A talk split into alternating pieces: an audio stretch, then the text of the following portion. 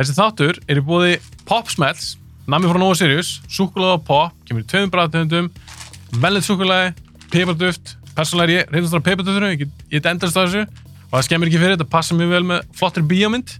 Og ef þið á áhuga að hjálpa mér að stækka podcastið, þá með ég bara endilega fylgja mér á Instagram, YouTube, Facebook, bara öllum þessum miðlum. Og ekki gleyma, kaupa Pop Smell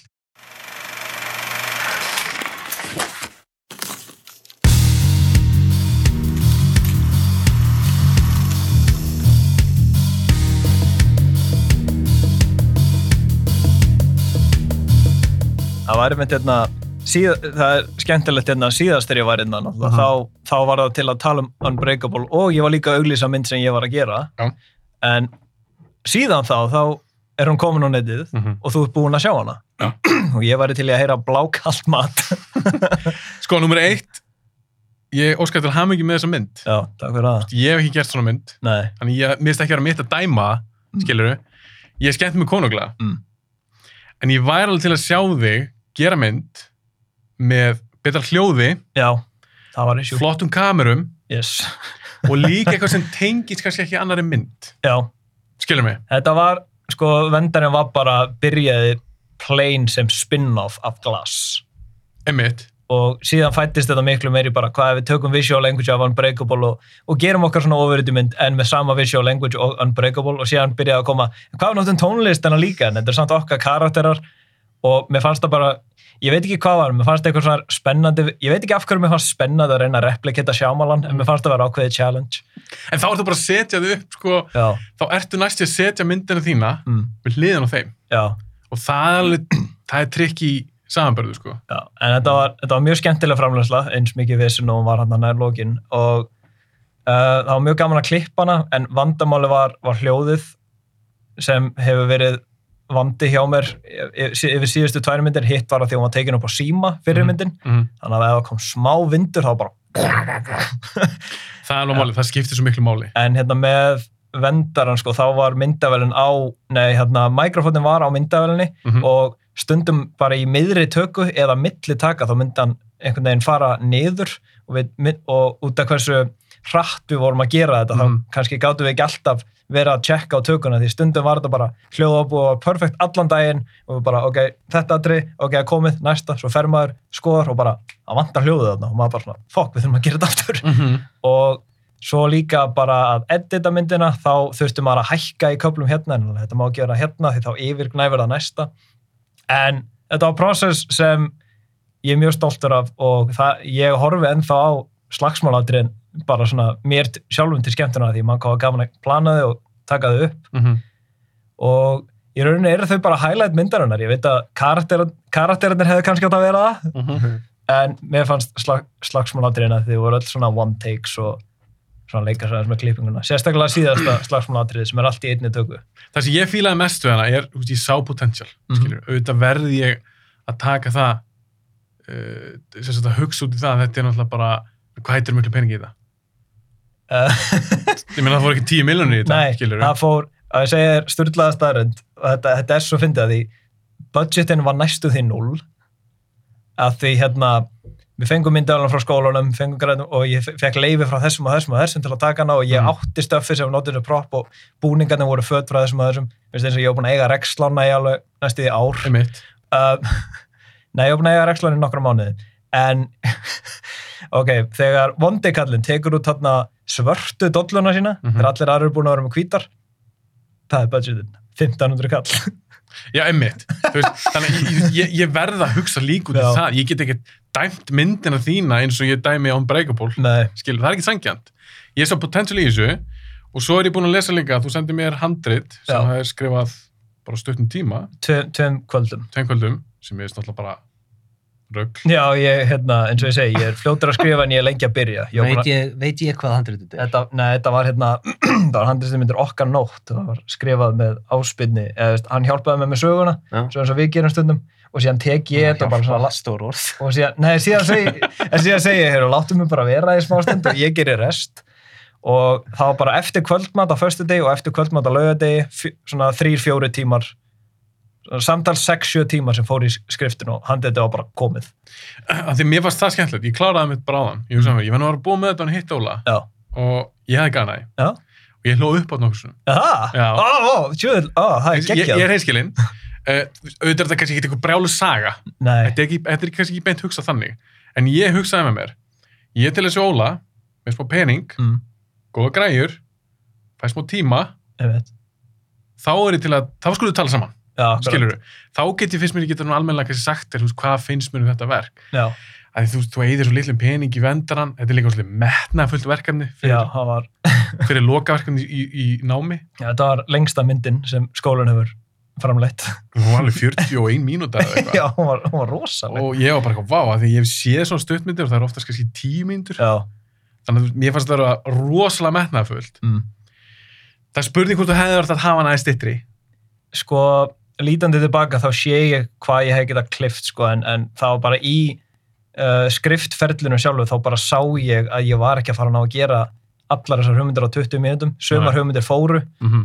uh, að því upprænlega var þetta bara um karakterinn minn að reyna að finna lifin hjá hana, honum Snorra hana, sá sem er með síðahárið og taglið í hana, Já, já, já. já. köflótta vestinu uh, það var concept footage og það er 5 minútna langt, það er til á YouTube eða eitthvað en svo ég fatt að mér fannst mér fannst ekki það skemmtilegt að vera að gera bara það en síðan þegar ég og bróðum tókum upp slagsmála konceptið Mm -hmm. sem ég síðan bara notað sem footage í actual myndinni þá fattaði ég, mér sagan hjá þessum stráki áhugaverður ef ég get blandað henn inn og þá lengdist þetta En mér finnst líka bara, mér finnst ég bara sjá þegar ég horfði á þessu mynd, ég hugsaði mér, vá, djúvel langar Óla að gera feature length mynd. mm -hmm.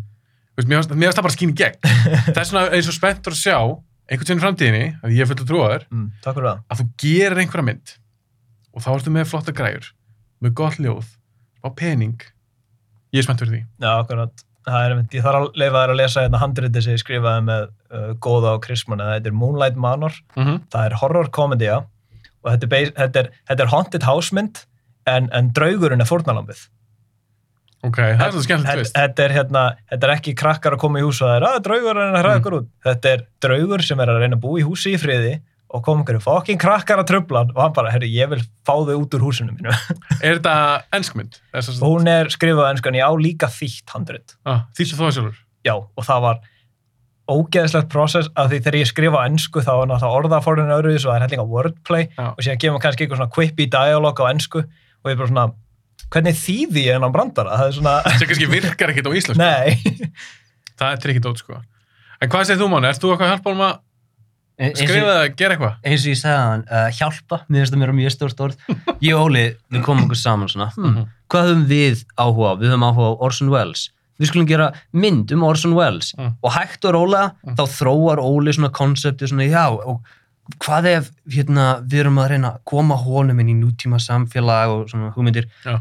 Og meðan hann er að því þá finnst mér ég verið að reyna að koma þess mörgum svona tippabröndurum inn í myndin og ég get Lélum tippabröndunum eða Já, góðum? ja, það er ekki góður tippabrönd nei, jú, það var eitt sem var háklassa tippabrandari. Alveg öruglega ekki góður. Nei, mannst ekki hérna, hérna skriflega á netinu, það var fyndið. Jú, það er þetta Ok, og hvað sér, þú var komin í tippabröndunum og Óla skjótaði niður? Mm, Já, þar til að ég kom með nóg marga og Ég- viljum hættir E ekki, sko, annarkvæmt skýt ég niður hugmynd hjá honum eða hann pressa mig nógu lengi þar til að, það, það er til að ég þarf að finnpúsa þá svo að við getum báðu verið sáttir Já, þannig að þú hugsa með þér, ok, ég skal halda þessu en ég þarf aðeins að fiffa hann til. þetta er svona, ég skal Þetta taka inn hugmynd já, þetta, er svona máni, ég skal taka hugmyndina þeina en, ég, en ég, þarf að, ég þarf að gera hana svona ólalegri Óla legri. Já. En ég sá líka alveg þegar ég var að lesa handlitið þitt, mm. okkar nótt. já, Ég sá bara eitthvað, vá, djúvel sé ég, hann er Shane Black maður. það- ég þakkaði fyrir það Það er hrós. já, Ég meina, ég, ég sá það, það skein alveg í gegn og ég var bara eitthvað, þess vegna kannski líka hlóið nokkur sem, já fast á nokkru fyndir. Þetta var líka, en, eins og ég sagði síðast þetta, ég hef aldrei átt erfitt með að skrifa dialog. Það er bara, það kemur til mín svona. Mm Allt hitt er vesen. Já, en ég, það sem ég er svo spenntur fyrir, eftir ég las dótið þitt, Mm. að því mér stóra fýtt penni, sko. Takk hérlega fyrir það, ég, þú hefur ekki hugmynd um hversu mikið ég er með þetta. ok, það er ekki ekki. Því ég hef heyrst þetta núna frá, ég fengi þetta frá Mána, Áspilni, þú veist, allt svona náni vinir og maður tekur alltaf inn, en þú veist, þeirra gæði eins og þú sem alveg veit alveg hvað hann er að segja um bíómyndur og þú veist, þú ert klálað með alveg bara solid ramma af sönnunum að þú veist hvað þetta tala um vonandi eitthvað smá. þannig að þegar þú segir þetta, það er bara svona alveg þe- þetta er bara legit, þannig að ég þakka bara fyrir það Já, ég sé bara fyrir mér, eins og sé, bara glæsta framtíð. Að þú hefur svo mikinn vilja. Já, og þú, hefur, þú er svo ákafur í að gera eitthvað og mér finnst það svo geggjað. Veist, ég fæ bara innblástur frá mönnum eins og þér. já ég, er líka, ég er líka búin að fá að lesa stöfðið þig. Mm það var alveg skemmtileg stöfana eina sem ég var að hugsa er, Mm. ég vona, vonandi fæ ég að fínbúsa dialógi aðeins Já, það er þín sérgrein. Ég, ég finn bara svona, þú veist, þegar ég er að lesa Mm jafnvel ef það er sam, samræður eftir mig ef ég finn fyrir svona högt þetta er svona ósynilegt högt Mhm. sem ég finn þegar ég er að lesa dialog ef ég finn mér svona, ef það er allt í nú svona punktur einhver staðar Mhm. í hausnum og þá bara svona, ui, það þarf að finn, Algjörlega. finn, búr- ég hef til dæmis stundum ef ég er að skrifa samræðu Mhm. og hún er kannski löng, þetta er eitthvað reyfrildi milli karaktera, ef ég stoppa þá veit ég að flowið er gjörsannar ránt og ég eyði allir í samræðan og byrja hún upp á nýtt Já, meinar. að því ég bara svona, það alveg ég nenni ekki að stoppa og finna út hvar hún virkar ekki. Mm í staðin þá virkar hún bara öll ekki að því það er eitthvað annað sem er að tröfla En það svo fyndi sko eins og, eins og minn styrklegi ef ég myndi líta það sem ég hef skrifað mm. ég, það sem ég veist mest skemmtilegt er að búa til atriði, Já. sníða atriðin structure atriðin sjálf. Dialóg er alveg svona minn veikleiki. Ég held að við þurftum þá bara allir þrýr að setja saman og skrifa meina, þá erum við komin bara góða blöndu já, við, það, var, það var big concept og set pieces frá þér við erum með dialogi frá mér og við erum með Hanna Hoppin, en hvað var myndi segja þetta? Já, Máni hann var með svona tippa það. En hvað hann er, BDSM fíkil? Máni! hætt að tróðu sinn, við ætlum ekki samþykja þetta en hvað ætlum að tala um í dag? Uh, við ætlum að tala um hrottveikjur hryllismyndu? Já, en áður við förum við það, svona áður Ok. en ég gleymi þá það er ég með svolítið handaður ok, Þetta var sem þetta því ég talaði um vendaran Já. og ég talaði um að vesunni var að third actið gjörsanlega breytist. Við erum mm -hmm. búið til glæniðan endir og með öðrum karakterum og allt það. Það er svona, núna fyrst þegar ég er og þú ert búin að rósa myndinu full vel og rósa mér fyrir það Mhm. og skriftinu minni. Það er ég hérna með first draftið af vendaranum. og má ég eiga þetta? Þú mátt eiga þetta, þetta er kopið þitt. þetta er geggja maður Þetta er, upp, já, þetta er upprónlega 39 blaðsina first draftið með upprónlega endurinnum og ég hata að við gátum ekki tekið upp upprónlega endurinn af Ah. því það var það sem ég hlakkaði mest til að taka upp það er sem sagt það, er það er hérna það eru löggur og allt í þessu og fangelsisatrið og, og síðan hérna í já, ég kannski spólaði ekki fyrir þér en, nei, en, ég ætla að lesa þetta ekki með. en upprónlega endurinn er við erum með smá anda af honum í lokin. Þetta Mm. endaði alltaf á að hann lappar hérna nýr á bryggju. Mm -hmm. en hvernig hann kemur sér í það er öðruvísi handritun og ég var svo spenntur að taka það upp en svo gáttu við það ekki. Ok, en ég, þegar ég sagði félagin minn þegar hann var að spyrja hvernig myndi var og hann var að lefta með hugmynd fyrir endir og ég sagði hann um þetta mm. hann bara fuck ég gæsóð. Það var bara ok, ég er bara spenntur þannig að, já, þannig að þú, þú takk hella minnstamál, þetta er bara þetta er bara, ég, ég fengi eina gjóð á þessu þætti þá var teiknari sem teiknaði mynda mér Já. í svona ofurðisbók mér þótti bara rosalega væntu Já. þannig að bara takk hella fyrir þetta. Bara minnstamál og ég er bara svo spenntur að sjá hvað gerir næst. Já, alveg sem hvað það verður, þá er ég spenntur fyrir já, ég er líka spenntur fyrir því. Ég veit ekki hvað er ennþá. Nei. en hvað myndið langa að gera? hvað er svona draumurinn? það er það er bara gera hryllingsmyndir Mhm. gera svona taka kannski svona gömul koncept og setja nýtt spinn á þau svona eins og sumir það er alveg ástæðan okkur svona nýjustu hryllingsmyndir er að virka, það er að vera að taka koncept sem við þekkjum og setja eitthvað nýtt á það Mm -hmm. og líka bara gera meira experimental hluti, gera svona hluti kannski ef ég þurfti að gera myndir hérna á Íslandi segjum alltaf, þá myndi ég alltaf vilja gera eitthvað experimental, bara segja nei við status quo-unu ég ætla ekki að gera dröggmynd ég ætla ekki að gera afskettan sveitabæ ég ætla að gera mynd sem fólk segir, þetta geti aldrei gerst á Íslandi það er því, þetta er bíómynd, fattar við bíómyndir er ekki raunverulegar Nei, því ég skrifaði einu svona handrit sem ég varst frekar skemmtilegt og ég sendi félaga mér það sem Mhm. ég treystir svona annar. Þetta var solid handrit en þetta, þetta geti enga veginn gestinn á Íslandi og ég bara, þetta er, þetta er bíómynd maður, þetta, ég, held að, ég held að við erum búin að læsa okkur inn í Já, þjóðernið of mikið um hvað við megum gera og ég vil vera gæinn sem sagði nei. Ég til dæmis fekk míns, að strák, hann hafði farið í kveikmyndaskólan, hann gerði svo stöfnum þar, heitar Mm. Arnar. Og hann talaði um það að, að kannski mörg af þessum verkum sem voru gerð svona í skólanum er rosalega mikið svolítið sem hefur verið gert. Mm -hmm. Að því eins og þú segir, við erum kannski einu svolítið föst í einhver svona boxi, við verðum bara að gera drammyndir, við verðum bara að gera grín, þannig að sé ekki þar á milli. En ég spurði Baldvin Seta í hvort þú sást hann þá ég mælum þú tjekkir á hann ég, ég, hor, ég horfði á þáttinn. af því að heyra hans lið því hann vinnur í þessum bransa og er búin að gera flotta myndir. Og ég spurði hann út í bara svona genre myndir. Mhm. af hverju eru ekki að gera þetta? Og hann vil meina það, þetta sé svona trikki skrif. Hvað finnst þér um það, eða einhver bara Trygg í skrif. já, Bara að koma þessu á pappír. það er erfiðar að skrifa góða hryllismynd vildi hann svona meina, ég vil ekki leggja hann morðið mun Mm. heldur en kannski grín eða drama. Mm.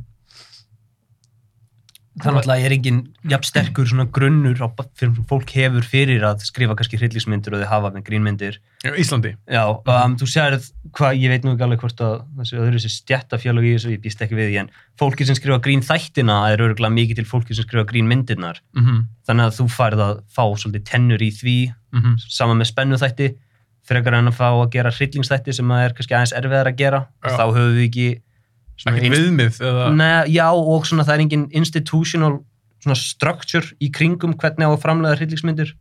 Þannig að það er kannski ennþá að finna það út hér. Mm, góð punktur. Ég held líka bara að áhættan sé spili frekar stóran þátt að því er í rauninni eitthvað verra en léleg hryllingsmynd. Það eru heldur marga til. Já, ég veit það, en þú veist, eins og þetta er svona eins og tvær verstu tegundur af bíómyndum eru ófindin grínmynd og leiðinleg hryllingsmynd. en, en ég heldur þetta Baldvin var að tala um það þetta er svo mikið að lélum hryllismyndu Já, það er erfitt að gera rosalega góða hryllismynd já a- að því ég og Mánu höfum alltaf bara deep diveað inn í hvað actually gerir góða hryllingsmyndur og, það, og við töluðum líka tölum um aðeins um það eftir Já, Mm. og við rættum það einmitt líka bara nýja síðast ætti, það er að Mhm. finna hvaðan í, í stuttumáli þá er þetta það er svo auðvelt að sína eitthvað sem á að vera skeri Mhm. en þetta er ekki um hvernig, þetta er um af hverju Mm. Þú veist, bara það er ástæðan hva, af hverju er hryllingurinn, ekki hvað er hann, mm. skilur við Ertu með eitthvað svona dæmi í huga? Við erum með dæmið um myndina sem við náttúrulega að horfa á í gær Já. Viljum við tala um það núna? bara Gonjiam Nei, setni Já, setni. Já, já hend- hendur mér núna. Hún var einmitt í 90s pólunniðinu. Það var að fólk valdi Bram Stokers Dracula yfir Ed Wood. En ég myndi valla kalla hana hryllismynd Hún, a- hún klárlega á að vera það. Mér finnst það vera meira bara svona eitthvað drama Svona romans. romantísk, Já, svona spennu, gothic eitthvað. Já. En, en málið er samt, bókin er upplunar hryllingsbók. Mhm. og hann hérna Lee Vanell þegar hann gerði Invisible Man þá útskýrði hann að þegar hann spurður, ég veit ekki hvort samingið var í hérna, ég- var það ekki í kringum Universal Monster myndirnar Hann var spurður um Universal Monster, Monster myndunar og af hverju hann valdi þetta approach á The Invisible Man að veist, hva, hver var áskorunin á því að gera Invisible Man og hvað let hann vilja taka það að sér. og, og Mhm. pointið hans var Invisible Man er ekki þetta er ekki hræðileg hugmynd svona skeri hugmynd Mm. af því að ó, hann er ósynilegur og hann getur stungið þig. þetta er, þetta er ókveikjandi hugmynd út af sálfræðin í kringum þetta hvernig það er að halda þessi maður og eftir þér og svona og þú sér það allir með Dracula vampýrur eru ekki ókveikjandi af því að þeir koma á nóttin og býta þig. Mm. hugmyndin er í uppræðanlega bókinni þetta fer inn í sjúkdóma, þetta fer inn í mikið af kynnsjúkdómum í kringum holdið og blóðið og allt svoleiðis. Þú ert með mikið af skordýrum sem fólk er að geta þarna og rottur, það er ástæðan fyrir að hann breytir sér í til dæmis dýr myrkursins Mhm. mikið til svona sníkjudýr. Og hugmyndin á bakvið vampýruna var að þú ert með svona Victorian samfélag þar sem að má ekkert, það mátt ekki sjá ökla einu sinni. Nei, með en þú ert þá með þennan rosalega vilja Mm. til þess að fá meiri svona smá snertingu, svona meiri kynlíf inn í samfélagið, mm -hmm. en á sama tíma þá er þessi, þá kemur það með skugganum af öllum þessum sjúkdómum. Og þar var uppránalegi óttin við vampýruna en það, þú sér, það, það, er ekki, er ekki vampýrun eins og við þekkjum hann í dag. Góða punktur. Það er vampýrun eins og þegar Bram Stoker skrifaði hana. Mm -hmm. en ef þú gerir vampýrumynd í dag þá er þetta meira bara, ok hvers konar myrkur kastali býr hann í ok, breytist hann í, breytist hann í leðurblögu ok, check. Frekar hann að spyrja af hverju breytist hann í leðurblögu af hverju, af hverju, af hverju blóðið? Mm -hmm. Gekkjum pæling. Þe- Þetta er svona ástæðan af hverju Christopher Lee, Guð blessan, hann var góðu Dracula en myndirnar hans voru bara það er gjörsanlega mistu punktina því þessar Hammer myndir, það gerði það saman New Line Cinema og svona, þær tóku þessi koncept og sögðu hversu mikið fólk getur við drepið yeah. Í staðan fyrir að fókus á af hverju, af hverju er það skeri að fólkið er að deyja. Af því að þú horfir á Christopher Lee Dracula mynda það eru sjö talsins. Og vá, hann gerði þær, þær eru endalusar og, og málið er maður man ekki eftir hver, veist, í, í veist, að því, þeir koma annað fram Kristoffer Lee sem Dracula og svo er hérna Dr. Van Helsing og Jonathan Harker og allir þeir þú manstu þessum karakterum að því þú veist þú skilur hvað Dracula er, þú veist gömlega Dracula myndar framhaldsmyndar, ég get ekki nefnt einn karakter það er bara Ég hef ekki síðan Nei, myndir. þeir, þeir eru bara til að deyja og hann lifnar við, hann deyri hver einustu mynd eins og Freddy Krueger og hann kemur alltaf tilbaka og stundum er það bara því þú veist þú veist, ég er að heimsækja Kastela Dracula, ó nei, ég skar mig á puttunum og blóðið lekur í gegn og hittir á gröfin hans, aha, ég er komin aftur. Og maður bara svona, Það hljómar eins og einhver svona slasser-serja, svona... já, og það er það sem Hammer var. Finnst þið samt ekki magna að fucking Hammer gerði hérna Woman in Black, það var þeirra return to form, Jú.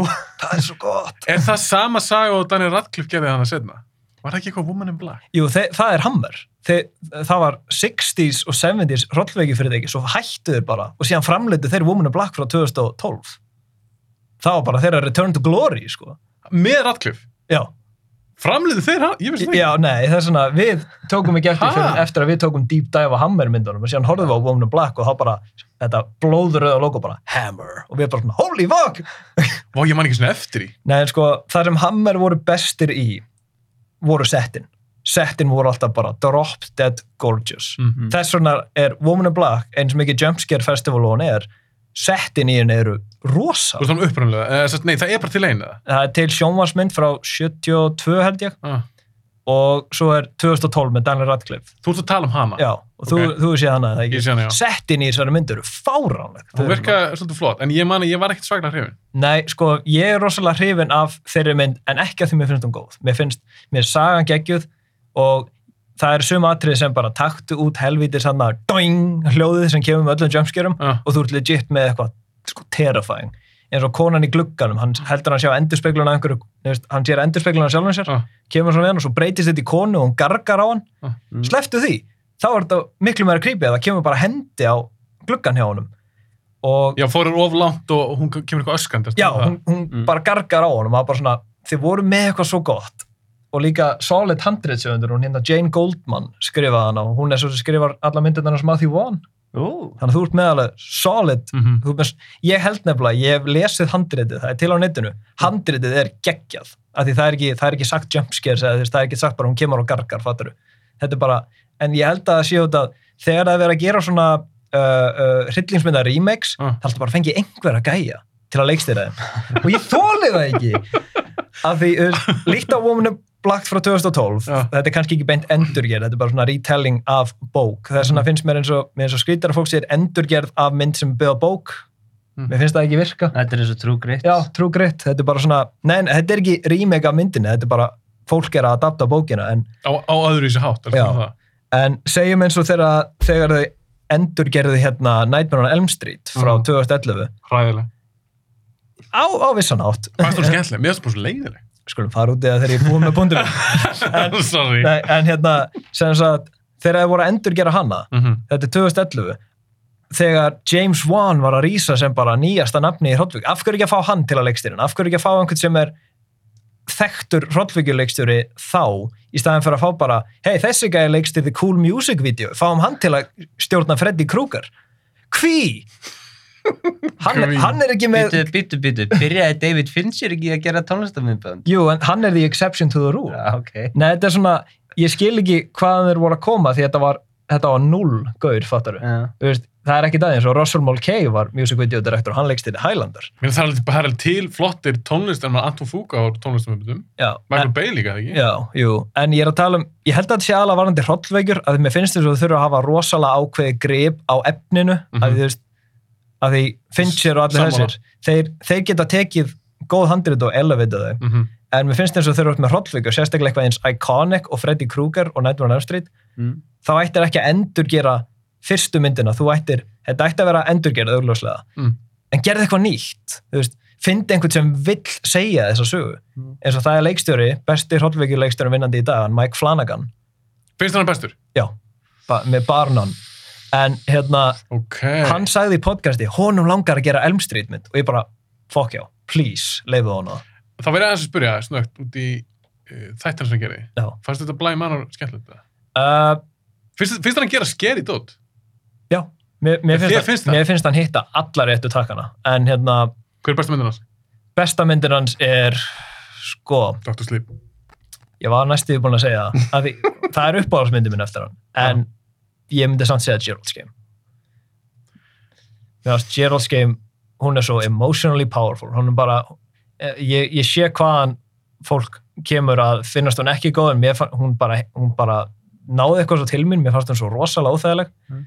Er Gerald's Game ekki þegar hún er læst í rúminu? Jú, með, Já, okay. Batman. Þa, það fer aftur það fer aftur þess að við erum að tala um Dracula Ó- ógnin er ekki þú ert í rúminu og oh my god það er myrkur og það ekki getur bræður nei þetta er þú ert í rúminu þarna og hvað ert að fara að gera næst Mm.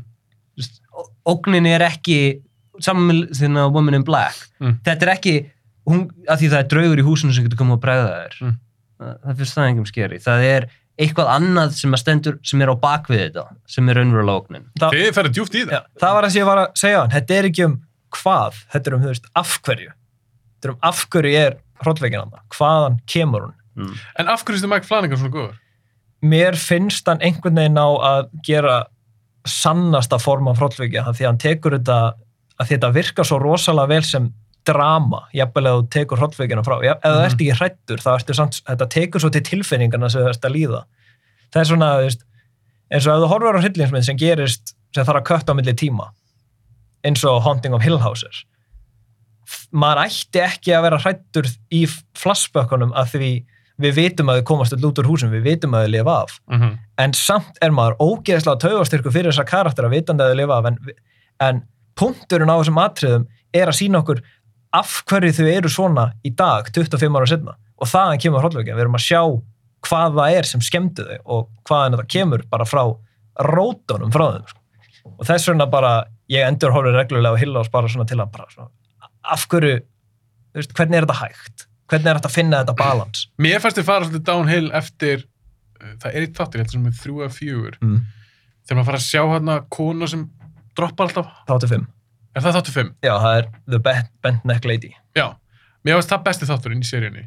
Já, mér, finnst hann næst bestur. Það er það næst bestur. Mér Varst, að, þú að fíla hana sem er svo, settið svo leikrit leiku hana one take inn á... Já, en það var ekki út af one take. Ég er ekki sökkur fyrir one Mm. take konceptið eins og ég hataði 1917. Vi, við Já, gáðumst upp á já, hann. við gáðumst upp á henni Sammála. En En mér hérna, Two Storms fannst mér svo rosalegur ekki út af hrollveikina. Það kom allt frá að þetta er fyrsta sinn sem þessi fjölskylda er í alvörunni saman og þetta er bara, þetta er bara svo mikið katharsis frá þeim öllum, bara þau eru öll loksins að sleppa út öllu sem þeir búin að sapna upp í þessi 10 ár og í, nei, 20 og eitthvað ár og í bakgrunum er veist er bara, það, þið eru þetta til að syrgja dauðamannesku, nennið þið plís að hætta að rífast. Eh, Hvaða nú hvað það sá þáttur? Hann er beint eftir Bentnekleiti. Já, ok, það er næsti þáttur. Já, en þú varst að tala um Bentnekleiti. Já, já mér, mér fannst það náttúrulega, ég bara, úff. En ég þóldi ekki endan á þessu. Mér finnst það var einhver sábópur og endir hérna Mm. á seríunni. Já, það, það er hérna, Flanagan hefur talað um það að punkturinn á þáttunum er að þetta er hópur af fólki að grát byggja um von, bara hóp. Þau eru að reyna að halda í eitthvað gott getur loksins komið fyrir þau. Hafa nefnilega næstu því búin að gera þetta downer fucking ending. Sami endir, Mm. nema þeir eru öll að blása þarna á kertið á kukunni, þá sjáum við gluggan í bakgrunum að þau komast aldrei út úr húsinu. Úff, ég hefur til það. Hann var næstu því búin að því en hann bara, ég get ekki gert þessu fólki þetta, það er búið að upplifa, no. En stundum verður líka handursöndar, bara eitthvað svona, ah, ég finn aðeins svo mikið til með þessu kartir, ég get ekki láta hann fara í gegnum þetta. Já, en það er að því hann vill finna vonuna, hann, það er einmitt ástæðan okkur ég virða hann svo mikið sem svona rillingsmyndamaður, er að hann sér þetta miklu meira sem bara svona fólk og vill leifa þeim að halda í vonuna því það er það sem við erum búin að vera að gera í alveg tíu þetta bara, please, megum við fá eitthvað við? Já, ég, mér finnst hann alveg, mér finnst hann áhugaverður, Mm. að því mér varst Dr. Sleep, ég er nefnilega, mér varst Oculus ekkert svakalega skemmtileg. Nei, ekki?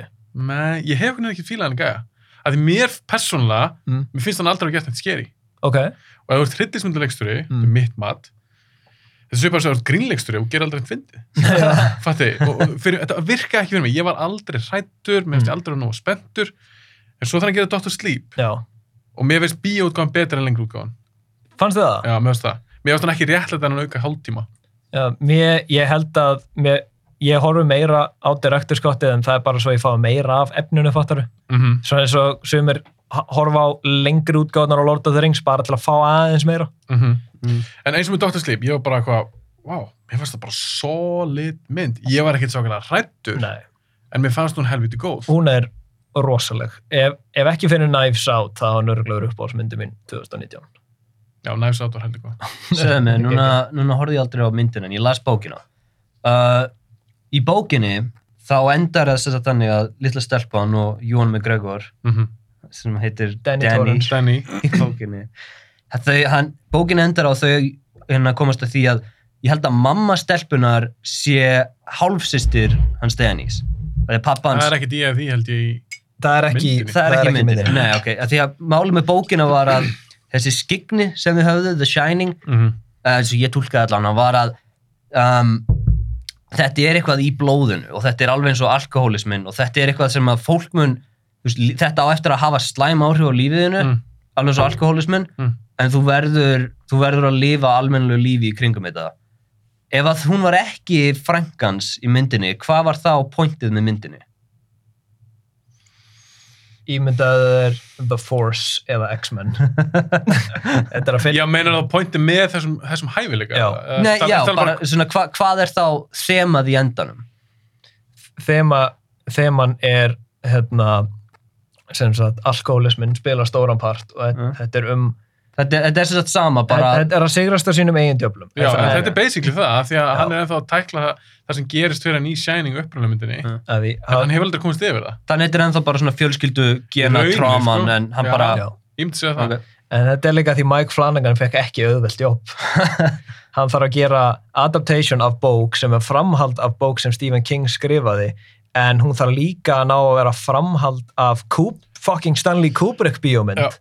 Sem Stephen King hatar og þarf að blanda báðum heimum ég er bara svona sko ég, ég svitna við tilhugsununa ég væri Já. bara, ég get þetta ekki Þess vegna, hélt, ég held fyrst bara, þegar ég las um að hann ætlaði að fara að gera þessa mynd, Mm. og svo trailinu og svona, ég var bara mm, ok, þú veist, gangi er vel. já, akkurat En ég er búin að sjá hana tvisvar, ég horfði fyrst á Bjótgan og svo horfði ég á Cut mm.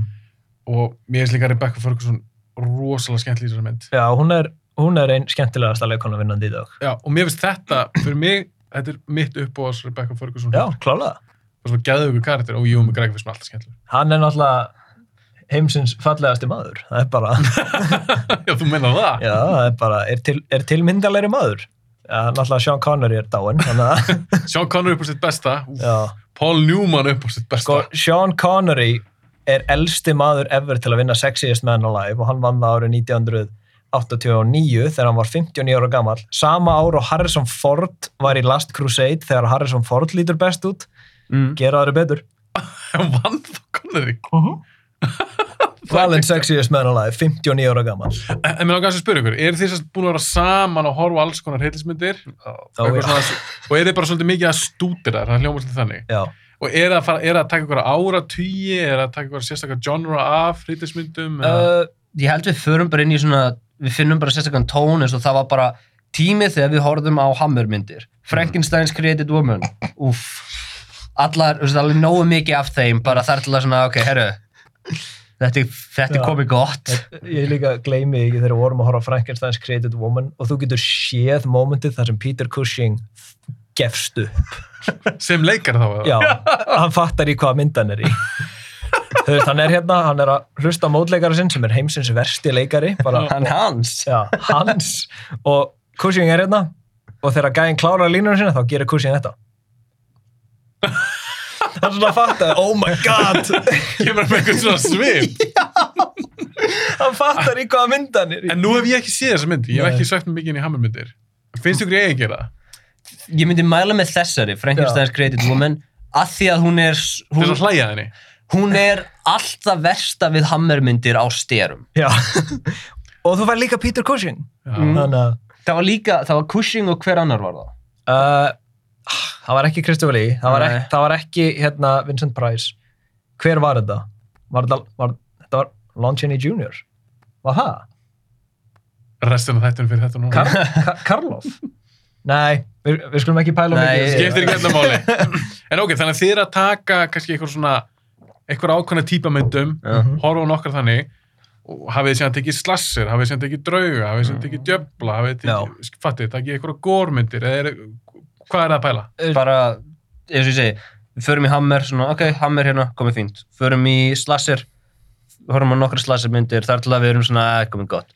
Níla, eru við búin að vera mikið í asískum hreytismyndum Mm ég er eiginlega að fá Ég held, bú, ég held að sá kapli sé búinn. Hvað takið þú veist cirka marga eins og með veist, tókuð þið fimm, tókuð þið tíu? Við, ég held að tókum fimm eða sex asískar svona söðu kóreiskar en við, við bara einhvern veginn báður vitum samtímis hvena við eigum að hætta af því það, við loksins sjáum hvað þetta virkar ekki og þá eru við löngu búin að sjá hvað virkar og þá þurfum við þetta ekki lengur.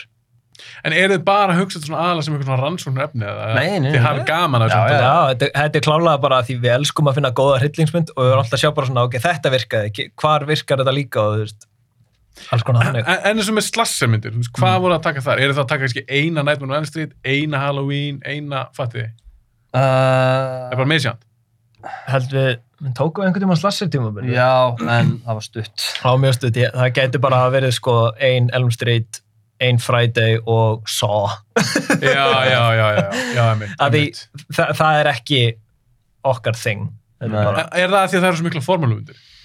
gæti verið, gæti, sko hérna, aftur í af hverju maður er hrættur Freddy Krueger er ekki áhugaverð áhugavert konsept af því að hann er með helliga, af því að hann fyrir á hjólabrettu og hann kvikvar og gerir brandara. Ha- hann er, hann er áhugavert konsept af því að hvernig, hvernig ætlar að lifa áfram ef þú getur ekki farið að sofa og ert ekki örugur í draumanuðinum Nei, hann er að reyna að taka það af þér já. Og, en, en hversu margar Freddy Krueger myndir eru um það og hversu margar þeirra eru um að hann er bara einhver teiknumyndafígur Ég er svo mikill krúkum maður, sko. já, þú veist, Kruger er svo skemmtilegu karakter en hann á ekki að vera skemmtilegi karakterinn í myndinni I'll get you next time my pretty ha, ha. Þetta var svona mikill svona, það var alltaf mikill fígura. Já, Caricature. Sem, er- sem, er allt í- sem er fínt á sinn hátt ég meina það er, það er fólk sem hefur gaman af því en við erum mikið meira fyrir hrollvekjuna þannig að við þess vegna, eins og ég segi, við horfum á fyrstu sámyndina við þurfum ekki að horfa já, Mér finnst það sann sko, að finnum við sómyndar, þess að ég, ég horfði um bláðar allar núna um daginn með kæristunni. Þetta eru fucking átta myndir eða eitthvað. já, Það sem ég fíla við þar, þetta er þetta ekkit vandaðar myndir. nei En það sem ég varst alltaf svo gaman, hafið séð þar allar eða? Já. Já. Já. I've- I've ég, ég hef ekki séð ég hef ekki séð hérna nýjastu Jigsaw. Jigsaw Ok, þú er búin að sjá allavega flesta. Já. Það sem ég fannst alltaf svo gaman er bara, ok, hvernig er ætla handisöðunir Hmm. að gera næstu mynd? Fætti, hvernig er það að tengja, þeir ná að búa til svona nokkuð kohísif sögu yfir þetta myndar, sem mér var svo áhugavert. þeir settu upp hérna að Gordon var í loka Jigsaw í Saw 2 já, þegar hann haldraði læknirinn Mhm. Já, ná, alls konar svona, einhverju Já. punktar sem þið geta farið síðan eða ef þú eru ekki búin að plana þetta, þá náðu þau svona að fara eitthvað, herru, sjá eitthvað moment í þessari mynd, bara herru, notum þetta. Saw- Mér finnst það gaman. Saw 7 átti uppræðan að vera two-parter Aha, Já, að því, hún átti að enda eins og hún gerir og mynd nummer tvö átti að vera Dr. Gordon. ó, hann er einn svona aðalgæðin. og hvað, Carrie Elvis bara, nei Nei, eh, Kerry var svo búin að gera samning, hann var búin að fá borgað, en það, var bara, þau vildu bara þetta og svo, og svo grætt hún ekki nógu mikið pening, þannig að þau, þau sögðu bara, fuck it. En það er líka lang lélasta myndin. Saw 7, Já. hún er samt æðisluðust. Finnst þið það? að því hún er svo slæm! Já. Mér finnst nefnilega eins og 1, 2 og 3 Já, ágætis myndir. solid þríleiku bara, Já, komið, segjum þetta gott. Svona 4 og 5, ok, bull, en ég er svona skemmti mér alveg. Svo þú konið 6, Já. þetta aðeins var að vera heldur þund. Svo það er 7, mér finnst bara lítið leikinn maður. Það er með dókislega áhugaverð saga um handritin á fyrstu þreymyndunum. Við Mm. vitum alltaf hvaðan fyrsta myndin kemur. Það er bara þarna, Lee Wanell, minn maður, og James Wan. Já. Þeir skrifaði þessa mynd og svona. Og, uh, mynd nummer tvö var, var grínlaust handritað annari bíómynd. Breytturinn í sómynd, í Svona, svona semi. Það var gæði sem heitir Darren Lynn, Básmann. Mhm. Hann leikstýrði mynd 2, 3 og 4.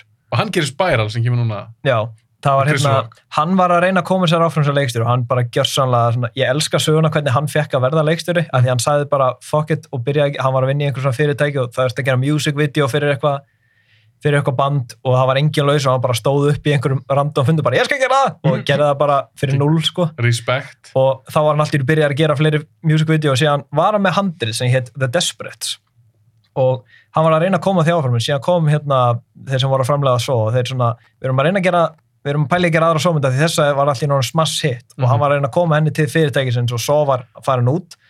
Og, og hann segir þetta gæti verið myndum myndum tvö. Og að því hún langaði bara svo að gera þessa mynd fattar Já.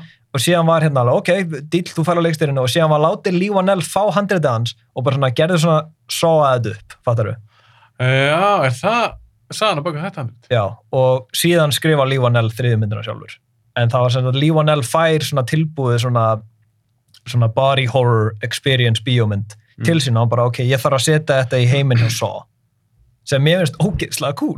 Já, mér finnst það alveg töf. En þeir hafa alveg gert þetta í Hollywood. Þeir gerðu þessum Die, þú veist, uh Mm. Die Hard 3. Já.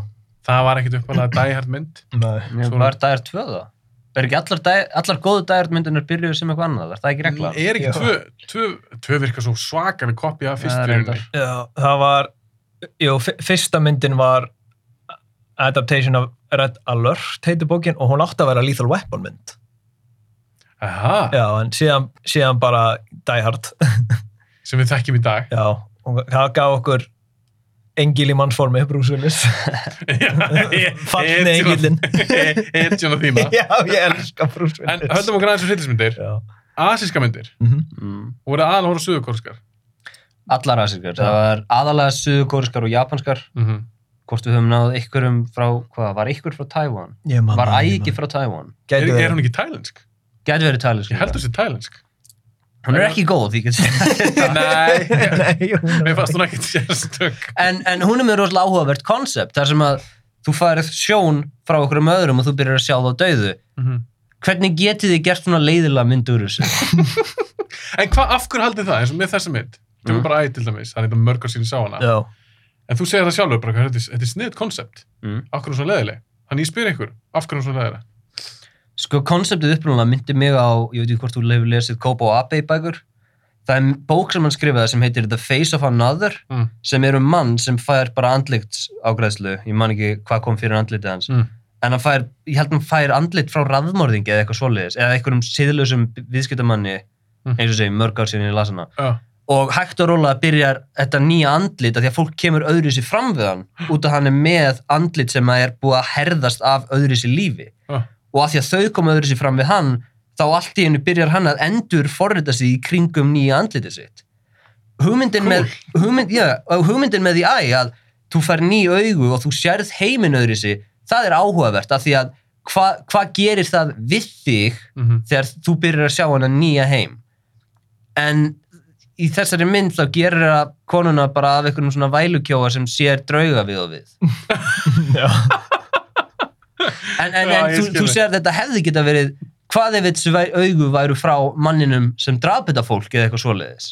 Og þá allt í næstu komin með ok, ég sé þessi fólk af því að hann draf þau og hvers konar samband hefur hún þá við þau? Og hvað gerir það við hana? Hvað, hvað gerir það við sálina hennar að þurfa að lifa hálfpartin með þessum illa manni? Frekar en, eins og ég segi að fara bara í fílu af því að það eru draugur út um allt Þetta er mjög góð pælingar. en, en, en hún, ég segi hún sér leiðileg við vorum búin að horfa á Gonjiam við vorum búin að horfa á Noroi sem er líka eðisleg við vorum búin að koma á svo góðu hægi á svo rosalega góðum Já, mimic.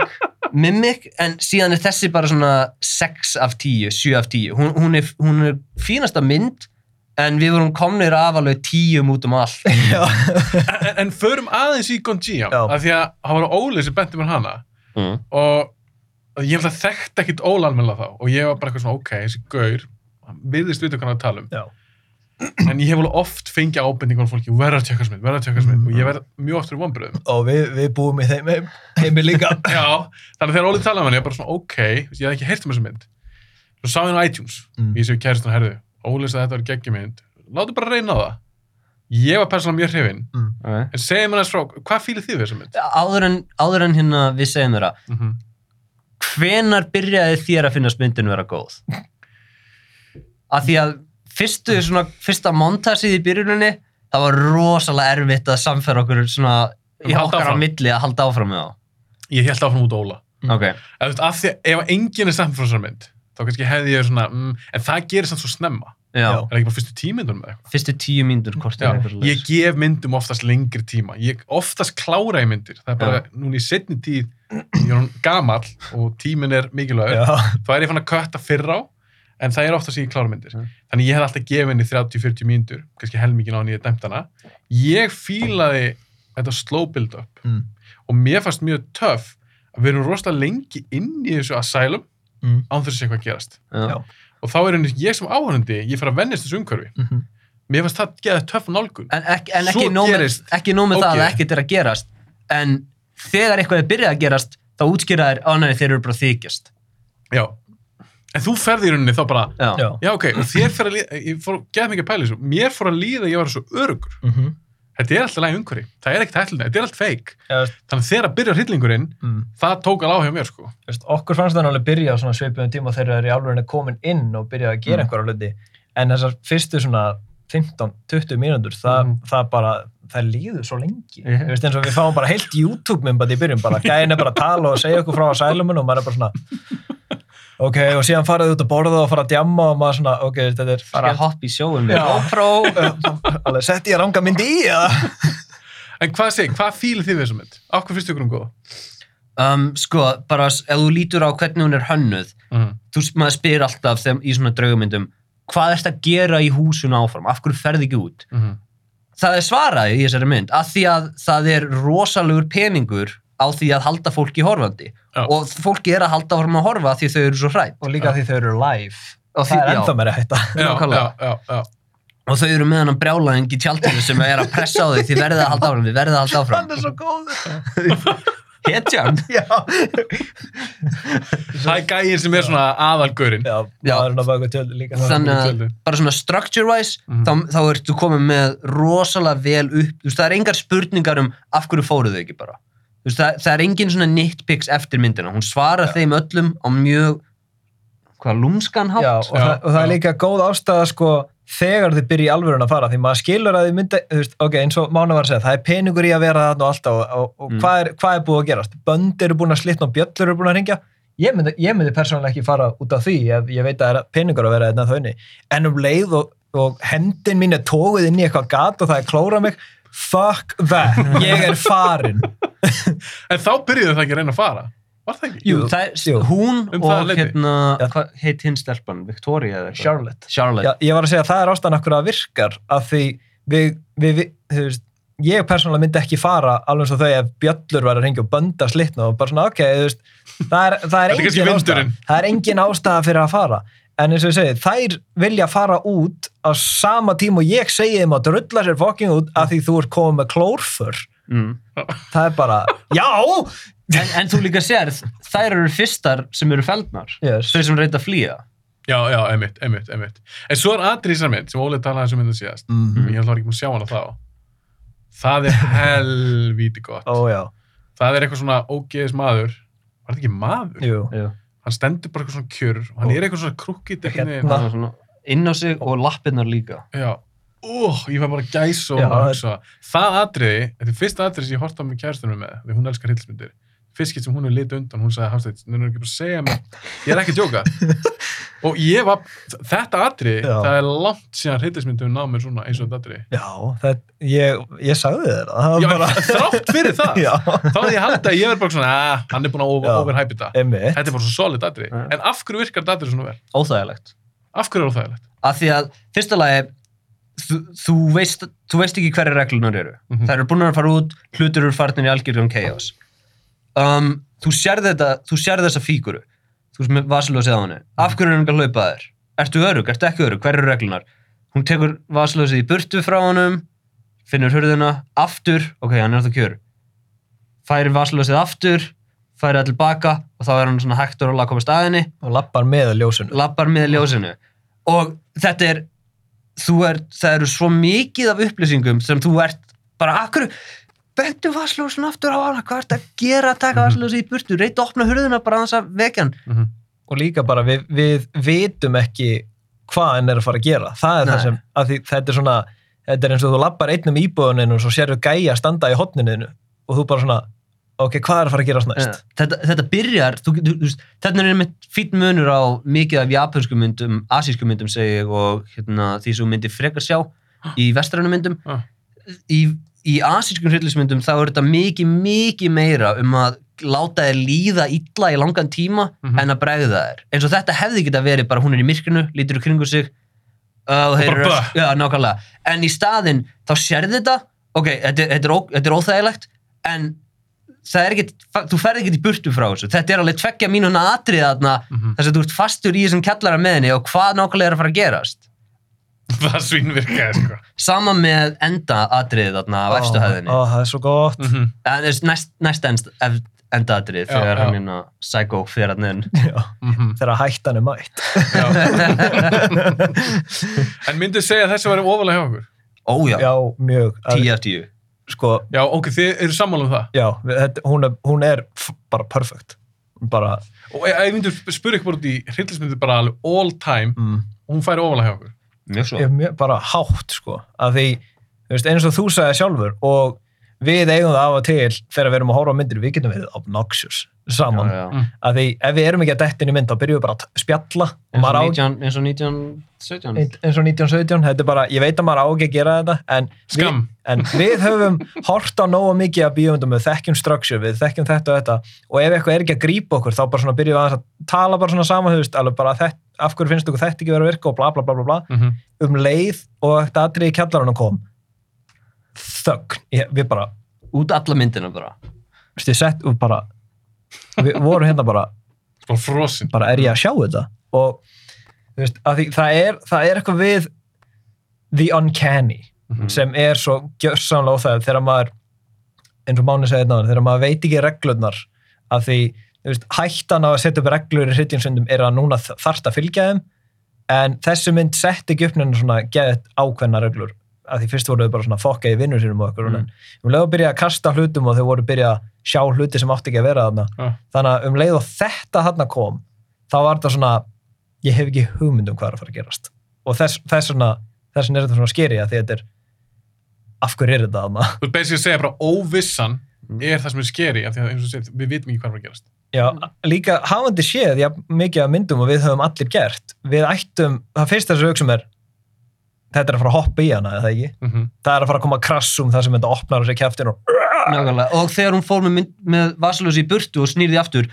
maður fer inn í og töksar, ó ok, hann, hann, hann verður framan í henni þá, okkur Já. bregður nei, hann er bara nákvæmlega samstað og það er líka bara hvernig hann lappar til hliðar en ekki áfram og það er bara svona, þetta er svo ónáttúrulegt og Já. það er það sem, þar kemur hrottveikjan og það sem mér magnast við þetta atrið mitt er þeir tegið alveg sko. Mhm. ekki, ekki óþarlega en maður er bara eitthvað svona hvenær fæ ég release Já. sem áhörandi það er akkurat þannig. Þess vegna það er ástæðan að að mér leit undan sko. Henni fannst það bara of óþægilegt. Svona eins og Mána var að segja með endirinn þegar hún er í bakin á honum. Það er svo, nákvæmlega, af því að hversu langa, þú veist, hann bankar veist, ef fólk er ekki búið að horf, stoppa þetta podcast til að horfa myndina er spoiler alert.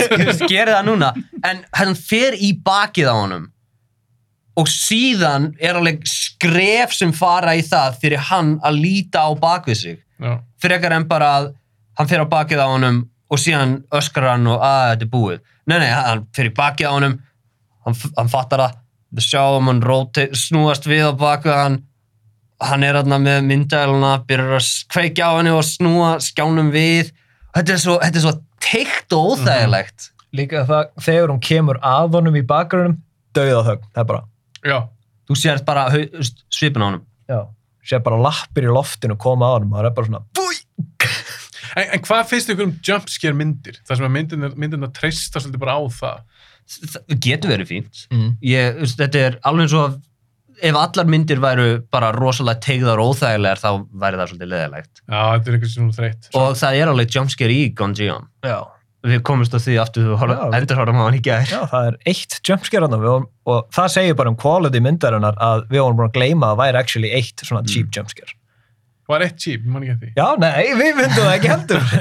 Ég er að sé það einu sinni. við vorum að lofa kærsta sóla neði það er ekki jumpscare en grafakir og svo og mér, ég kom alveg, að ég var búin að gleyma þessu. En myndir eins og til dæmis The Nun. Vá, hef ég sögu að segja þér Æ, við erum með svo mikið af svona nönnbröndur já, ég Hvernig varst það hún? Hörmung Akkur hún svona léleg? að því hún gjörsamlega er lægir á það að vera ekkert nema háfaði og jumpscare og hún býr til reglur fyrir sjálfan sig sem hún fylgir ekki eftir þetta er eins og ok, í, þú kynir supervillan í ofurði bíómynd Mhm. og fyrsta sem hann gerir er að smetla fingri og allir missa hausinn og svo gerir hann þetta ekki við hetjurnar í lokabardaðanum fuck off. Já, já. þú er búin að kynna eitthvað sem þú ert að svíkja undan. Þetta var í X-Men Apocalypse þegar hann, hérna, Apocalypse hann og sandurinn sker hausun af öllum. Hvað er þetta gegn, ég veit það ekki. Öllum fucking X-Menunum. Þannig að þið finnst það Já. svindl. þetta er svindl, að því þú, að þú ert að svíkja áhörvendan af upplýsingum sem þú ert búin að segja honum. En líka, en eins og ég hef ekki séð hana en ég hef séð nóg mikið af svona myndum. Já, hvar nákvæmlega er óttin hana? Mm. Er þetta bara að hún byrtist og bregður þér? Já. Já, það er það. Já, ok. Af hverju er þetta ekki um eitthvað sem að, akkur er þetta ekki um kirkjuna, nunnundnar sjálfar nákvæmlega, það eru og, það eru bara svo margar leiðir sem hægt er að spyrja þessa spurningu aftur. Af hverju eins og Insidious myndirnar, mér fannst það, það er áhugavert af því að eins og af því að þú stúr með þessa, þetta hauntingarna sem að fylgir honum. Mhm. Þú séð það ekki? Jú, þegar þau var að fletti gegn ljósmyndirnar svona, þegar hann var að sína gamla konunni það er hræðilegast atriðið í myndinni Já, og ekki, ekki þegar hann bregður henni á baka henni bara þegar þau eru að sína þarna hún er- að konan er að koma nær og nær það er, það er svo óþægilegt. Af hverju virkar það svona vel? af því, Mér, það, mér finnst það líka skeri, sko. Mm. af því það er óþægilegt af því að þú þú veist ekki hvað er að gera sjálfur sem áhörvendi og, og en, reglurnar eru ennþá óskrifaðar. Mm, þetta er bara svona, ok, það er bara, þetta er kona sem sást í eitthvað ljósmið hjá honum. Og, og hún- hún er nálægt núna. Ah, og með hverri mynd og það að release var ekki jumpscare það sem gerir þetta svo fucking því, Hvernig fannst ykkur Insidious, eins og ef við tökum bara fyrstu? hún mjög já, góð hún er bara fáránlega frumleg. Fa fannst ykkur hún halda sér alla myndina? Mér, sko, fyrri helmingurinn finnst mér örgulega sterkari en Já. ég slekk aldrei á henni Nei, fyrri helmingurinn er mjög sterkar því þá er þeir svona aðeins að þá er þeir að gera eitthvað nýtt Þa- af því þetta var hryllingsmyndin sem skaut upp þú veist, í nútíma hryllingsmyndum að, að hafa svona litla hluti í bakgrunum eins og þegar hún lappa bara fram með herbyggja og það er bara strákur standandi að hana. Mm. þetta er myndin sem gerði það vinnandi því náttúrulega þetta er hvað 2010 og 2011 og allir þegar allir þessir YouTube gaggrindur er að koma upp og þeir eru allir að tala um þetta þá fór maður miklu meira að spá út í þessu Mhm. þetta var meira þess að gert til perfection í Conjuring 2 af því það er, þetta var eitt óhugulega statrið sem ég hef séð í, í bíóið, það var hérna þegar uh, mamman er að lappa á ganginum og finna yfir stigan Mm. og, og Bill gamli, Old Bill, hann er sitjandi í stólnum ba Já, bara í já, já. hopninu og, maður, og það er ekkert fókus á þetta en maður bara svona, veist, um leiðum maður sér þetta bara svona, ah, tjú, oh, djúvel er þetta óþægileg maður En, en hvað fannst ykkur um það? Því- Í Insidious, ég fíla hana mjög vel. mm -hmm. Mér finnst 70% af henni gegja. Já, Mér finnst í lokin þegar þeir sína frá hvernig þetta förður heiminn er. Já. Ég fann bara hvernig minn áhuga bara svona dú. Já, við erum á sama stíði að því um leið að því þetta fer frá að vera draugur í að vera slasher bíómynd einhvern veginn, Já. hann er að elda hann á veggnum og það er verið að nota einhver svona skrítin effekt og þau veist um leið og draugur er farin að lemja Patrick Wilson þá er ég svona alveg, þetta, Já, þetta, er orðið, þetta er orðið annar hlutur núna Það er mitt þegar ég síni fólki sem mynd, sem Mm. hafa ekki séð hana, fyrir nokkrum ára síðan, þá þetta aðrið sem ég bara svona, þá varð ég stressað. Oh Eh, það er líka- Hvað er fólki að fara að segja núna? Já. Því að fyrri helmingurinn er mjög óþægilegri eins og þegar hún er að segja honum frá þegar ég sá eitthvað svona skugga veru inn í herbygginu Geggjað. Mm. hurðin opnast bara og þú hann aðna ekkert, engin háaði þetta, þetta er bara, þú liggur aðna með honum í smá stund liftur upp hendinni Þú sér bara svo silvættu af einhverjum Mm. og hann bendir bara, bara, hún spyr hvað viltu og hún bendir bara á strákin. mm Það er geggjað. og það er líka ógeðslega vel hérna jumpscare nákvæmlega að því jumpscareið kemur frá hvað konan er að sjá ekki Já, þú hefum talað um það í síðast þetta, mér Mhm. finnst það mjög áhör nálgun á jump, ég, jumpscare, ég hef aldrei pælt í þessu þannig. Mm. Þannig að þér finnst jumpscare sleppa ef að það er verið að bræða líka karakterum. Ertu að tala um það? Sko, Hvernig áraði þetta aftur? ég sagði uh, jumpscareið virkar þegar karakterinn sjálfur er að veist, upplifa Mm -hmm. að því það eru söma myndir sem reyna að gera en jafnvel það er feila einhvern veginn því það gera svo obnoxious eitthvað það, er, það eru það að build-upið var svo rétt í Insidious og þú veist, hún heyrir eitthvað, við heyrum Já, og hún lítur til hliðar og þá er einhver djöfull fyrir aftan Patrick Wilson og hún veist, stendur upp á stólnum og gargar og Patrick Wilson lítur hann og þá er ekkert annað. Þetta virkar svo vel að því við erum búin að dragast inn í söguna á konunni og hún er búin að segja okkur frá þessum djöfli. Ef, ef hún hefði ekki sagt söguna fyrst þá hefði þetta verið þá hefði þetta ekki virkað finnst mér. Sammála. að því það er búið að við, við, við einhvern veginn svona erum ekki alveg búin að taka eftir því sjálf en það er verið að byggja upp jumpscarana og það er bara, ég veist eins og ég, ég notaði Sinister sem dæmi sem, það er mynd sem ég finnst næstum því mjög góð Hvað finnst þér, akkur finnst þér ekki nógu? Þú, ertu búin að sjá hana Já. hann í? Það var hann að jumpscare sem ég sagði Ethan Hawke er að læðast um húsið sitt og kemur stelpa zoomar bara beint inn í myndaðan hún bara vdun, dun, og kemur hann það en hún er fyrir aftan hann Já, hann sér hann ekki. Nei, þetta, þetta er bara fyrir okkur Já, Og- svindl. Já, það getur virka ef, ef eitthvað er bara fyrir áhörundar en, það, en það, það virkar aldrei þegar það er jumpscare. E, e, þú, þegar það virkar eins og fyrir, bara fyrir áraunduna það, það er eins og í endanum á Sinister þegar Bagul kom fyrir fram myndaluna Ég Nei, hata nei. það. Það, var svo slæmt Það er svo mér, já, mér fannst það bara að vera stúdíu, bara, herrðu, verðum að hafa eitthvað kúl svona í Það var stúdíó. Var það stúdíu? Scott Eriksson vildi enda og við zoomum bara frá kassanum og svo er slögt. Auðvitað átti þetta að enda bara þar. Mm -hmm. En að þú talar um Sinister, ég Já. las um daginn, gerði eitthvað svona vísindaleg könnun. Já, Sást þetta kannski? Já. Hver væri besta hryllismynd allar tíma? ja, hver er hræðilegasta? Hræðilegasta. Já, samkvæmt einhverjum, einhverjum, einhverjum prófum eða eitthvað. okay. Og Sinister var nummer eitt.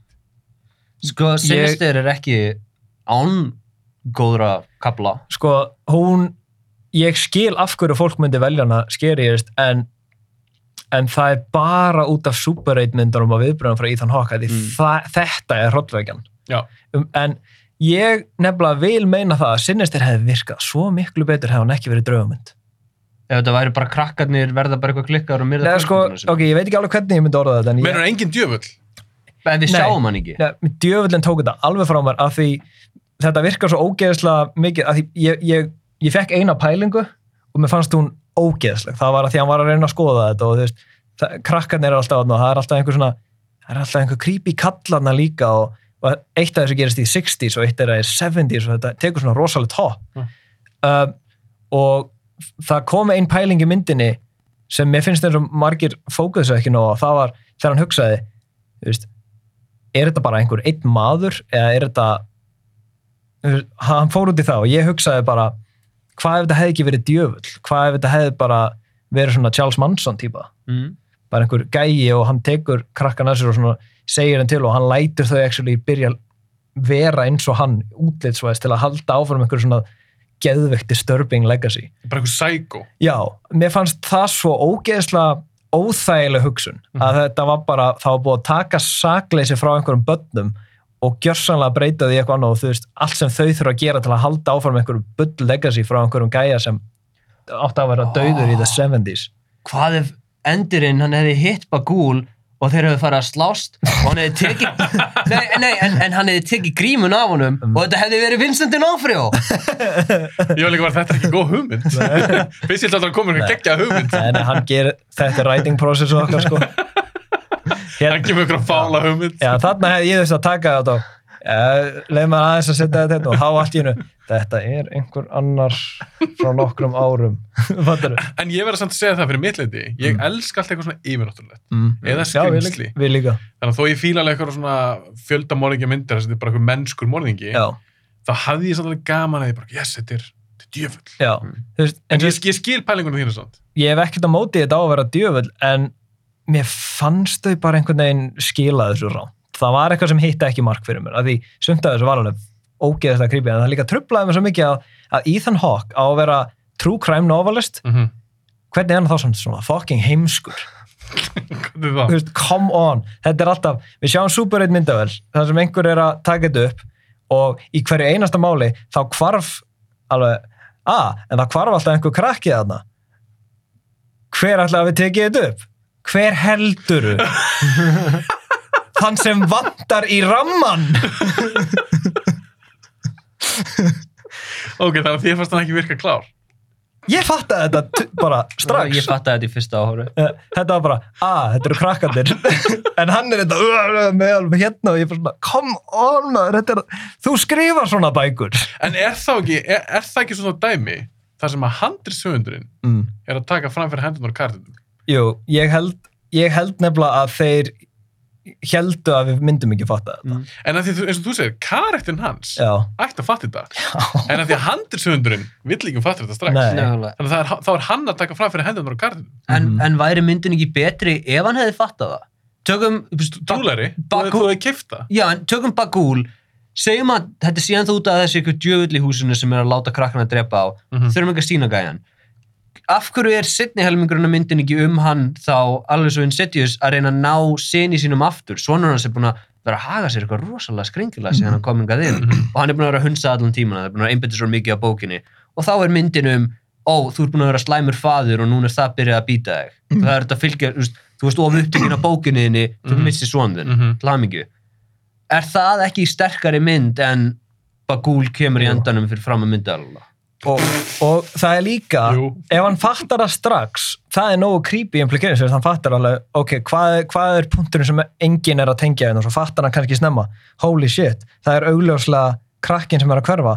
En svo horfur hann aftur á myndböndinu og hann bara, hvernig er krakki að fara að þessu? Já. og fyrir mér, það er, það sem, það er óþægilega pælingin, að því það spilar Bagul inn En, en fannst ykkur þegar þú heyrðir af þessari könnun, ég veit ekki hvort þú varst búin að heyra af þessu, manni, en núna er ég, ég er að segja þér þetta í fyrst skipti, er þið bara eitthvað svona, hvað er fólk að pæla, hvað er rugglega þetta, sinnist þér, eða er þið bara eitthvað svona, ég skildi kannski Mm. að einhver liti.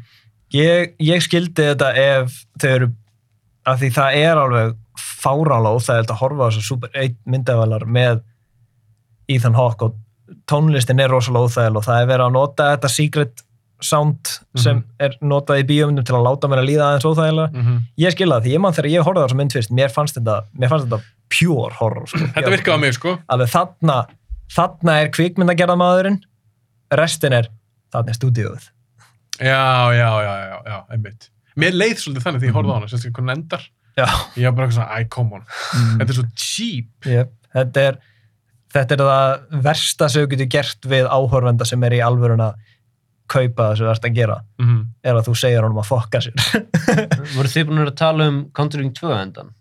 Einhvern tímann? Nei, ég, ég, ég, ég með það Já, ok. Ok, aðeins Conjuring- Conjuring dótið, Já. fyrst á og tvö. Finnst ykkur tvö betri? Mér finnst það ekki.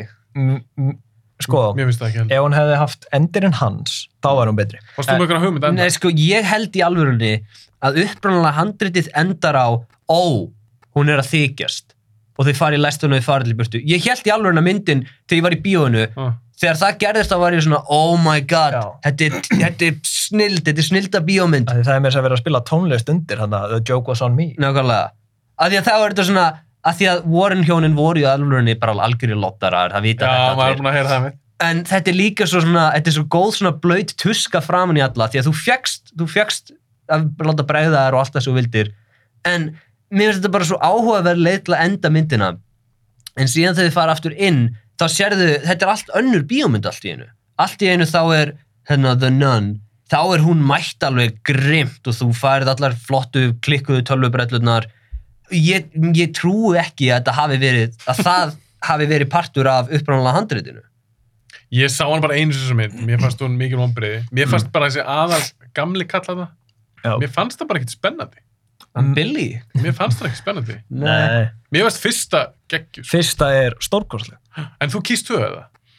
Nei, samt ekki Eitthvað finnst fyrsta betri? Mér, mér, finnst, mér finnst tvö vera snild en Já, er það? Já, en ég ég er svona edit hann og núna bara í haustum á mér, ég hætti bara að horfa á hana þegar hún á í alvöruna enda. Já, já, já. Er Þetta- það í lestinni?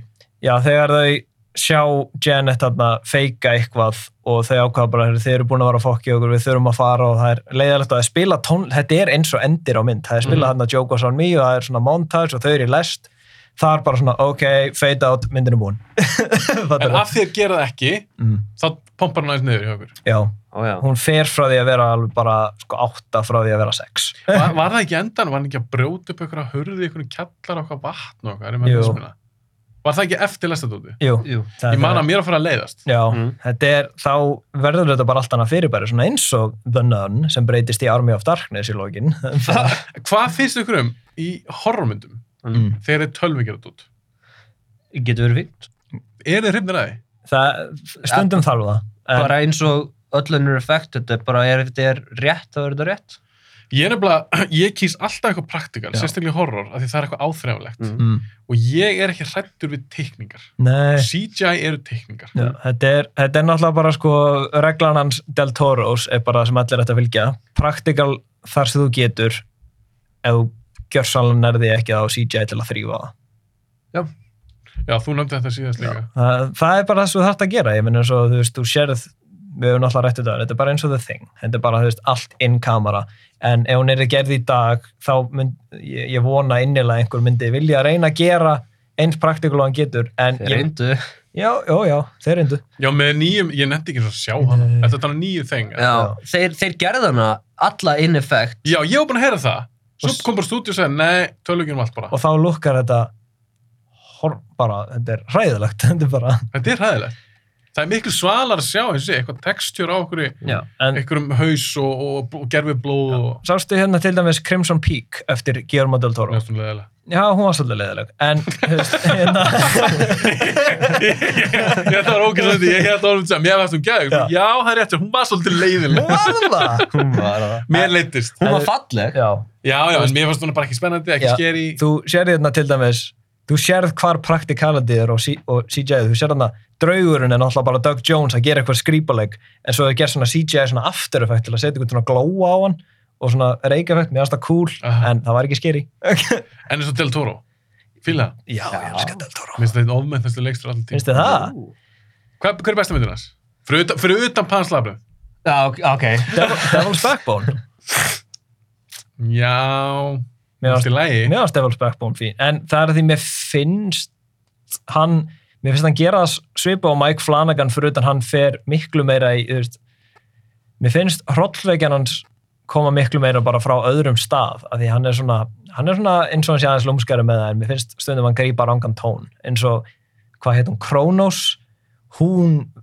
Nei, hún er rosalega skrítin í endan það er bara svona, Mhm. ég bara held að þetta væri önnur mynd en eins og Pans Labyrinth það er náttúrulega bara, bara ævintýri, bara, þetta er bara fantasíumynd Já. með horror elements og mér finnst það náttúrulega skemmtilegast þar, svona eins og hún er það Shape of Water er svolítið svipuð, hún er verið með nánast sama endir og Pans Labyrinth, mér, Mhm. mér finnst þess að Akademian var að beða, beðast hann afsökunar fyrir að gefa honum ekki En mér finnst Pans Labyrinth miklu betur mynd. Já, hún er það. Hún er, hún er bara mestrastykki, sko. En Guillermo del Toro er bara, hann bara svo skemmtilegur karakter. í- Ég fíla hann persónulega Já, og ég fíla hvað hann stendur fyrir. Hann Mhm. elskar eitthvað svona skrimsladót Já. og hafa búninga og praktikal dót. Ha, hann er svona eins og skemmtileg útgáfa af Kevin Smith. Nei, af hérna, er það ekki Kevin Smith? Þessi gerir Clerks. Já, af því þeir eru báðir svona í, þeir eru báðir svona eins og venjulegi gæjar Já. sem að hafa áhuga á svona comics, þeir eru mjög svipaðir þar. Svo En mér- nördar. Já, Já. en mér finnst Del Toro bara vera, þú veist, hann er eins og Kevin Smith nema hann kann líka gera góða mynd. Já, af því að hann er með hæfileika. Já. Af því Kevin Smith, mm, já, Já, kannski ekki mikið tala um hann Ma- það í senni tíð. Christ. Ég er samt fíla Clerks, sem ég þykir vendum hana. Já, Clerks er fín. mér fannst Dogma skemmtileg þegar ég var yngri, ég hef ekki séð hann mjög lengi. Nei, Ég fílaði alveg þetta dogma líka, en svo, shit, hann gerir nýja James Allen Bob Já. sá það. En hvað fannst ykkur um Cop-Out? Ég, nefndi- ég sá hann ekki. Nei, ekki, ég held að enginn okkur hafi síðan. Nei, ok. Ég satt af því hún að vera svo hræðileg, Já. þá verði ég að sjá hana. Mm. Mér finnst það bara svo fyndið að, að Kevin Smith langar að kenna öllum öðrum um en sjálfum sér þegar ég, hef- ég hef heyrt hluti þar sem Kevin Smith hefur ekki sagt. Hann- Eina sem hann, hann notar Cop-Out sem afsökun til að, fyrir að drullu og Bruce Willis og mér finnst, mér finnst Bruce Willis fyrir að justified í þessu öllu. Come on, hann þarf að leika með fólki sem hann ennir ekki að leika í og með leikstjóra sem er coward. Já, En líka, Kevin Smith er búin að vera leikstjóra síðan veist 94 og hann er að leikstjóra mynd sem kemur úr 2008 eða 2009 mhm. og Smith var að reyna að útskýra eitthvað atrið fyrir Bruce Willis og Bruce Willis spyr hvað hva, hérna linsu er það að nota hérna núna og Kevin Smith segir, ei, ég veit það, ekki, ég þekki líka það mikið mun á linsum og Willis var bara derst ekki í bransanum með það, fattar Já. og allt í hennu er Bruce Willis fýblið það sem ég held að hafa gert með Kevin Smith, að ég finnst hann alveg áhugaður og ég Mm. finnst hann alveg skemmtilegur svona, bara típan, Já. finnst hann alveg skemmtilegur. Mm. Hann bara þroskaðist aldrei. Nei, hann breyttist aldrei sem leikstjóri. Hann er ennþá að gera sama dót í dag Mhm. og fyrir 25 ára síðan. Já, Ég alveg tala. Ég, ég, líti allast aðra leik, leikstjóra, eins og Tarantino og eitthvað, það var ákveðin þróun hjá honum mm. sem leikstjóri. já, já. En Smith, hann er bara eins. já eins og þú horfir kannski á Reservoir Dogs og síðan Inglourious Bastards og þú bara svona, hvernig er þetta sami gæinn? Nákvæmlega, það var eitthvað þróun, hann þroskaðist, hann lærði, hann var betri. Það vil okkar spura ykkur út í alvöru drauga. Mm. ok. Trúið þið á drauga? Mm. Já, Mána bara strax, nei. Nei, sko, fyrir fyrir, hvað, hvað, 2021 núna ef, ég, ef þú hefði spurt mig fyrir tveim árum þá hefðu báða sagt nei á nákvæmlega sama tíma og sama hátt. Er það? Já. En þú trúir samt í dag? Ég trú að drauga í dag. Það kemur það. Ég, ég vil heyra, og þú ert með eitthvað sög. Já, nei, sko, málið er eins og ég trúði ekki á drauga en ég var aldrei ekki opinn fyrir þeim. Já. eins og ég myndi aldrei þú veist, eins og það, ég þekki alveg annað fólk sem hefur sagt mér frá svona þeirra upplöfun Mhm. og ég myndi aldrei segja, neða, þetta gerist ekki. Af því ég var ekki á staðinum, ég er ekki í þeirra spórum. Mhm. Þú veist, hver er ég að, að neyta þeim? Mm. Og, en þú veist, það eru aðri sem eru svo leiðis. Hljómar er svo skot á mig. en Yes. Það er aðrið svo leiðist horfðir á mána. þetta er ekkert lúmstóli. Ég var ekki að reyna að vera lúmskur, ég var að ráða staði. Nei, ég, ég er á saman stað. Ég trú ekki á þetta en ég er ekki gæinn sem fer inn í húsið á fólki og segja að þið er. Já. Þú mátt ekki trúa á þetta því ég er þessi típa. En bara stutt, án að segja mér söguna, Ok. okay. stutt til þín manni, Mm. trúur að maður sem er sál? Uh, ég trú ekki að ég veit nógu mikið um svoleiðis mál til Mm. þess að segja hvort það sé eða ekki. Þannig að þú ert ekkert með einn svona skoðun á því. Nei, nei, nei, nei, nei. Ef, að, ef hann er með sál, þá er hann með sál. Ef ekki, þá ekki. En ef við gefum okkur það, Ok. okay. við getum ekki sannað þetta, ef við gefum okkur það að við séum allir með sál, bara allar mannverur eru með sál. Okay. Þannig að þegar ég dey, þá er hann er bara líka minn að deyja. Ef að sálum getur haldið áfram, væri þá ekki auglust að vera til draugar? Eða, eða fatti? Ef við gefum okkur það. Mm, kannski. Maður veit aldrei hvert hún fer, hún geti farið eitthvað annað og þú endur lífgast, Sem ég, annar. ég trúi því. Sko. endur fæðist. En ok, segðu mig draugasögnu þína. Ok, Af hverju byrjar að trúa drauga? uh, maður hafði alltaf svona ég, veist, ég var mjög myrkvælen krakki og ég hafði stundum ímynda með hluti Mm.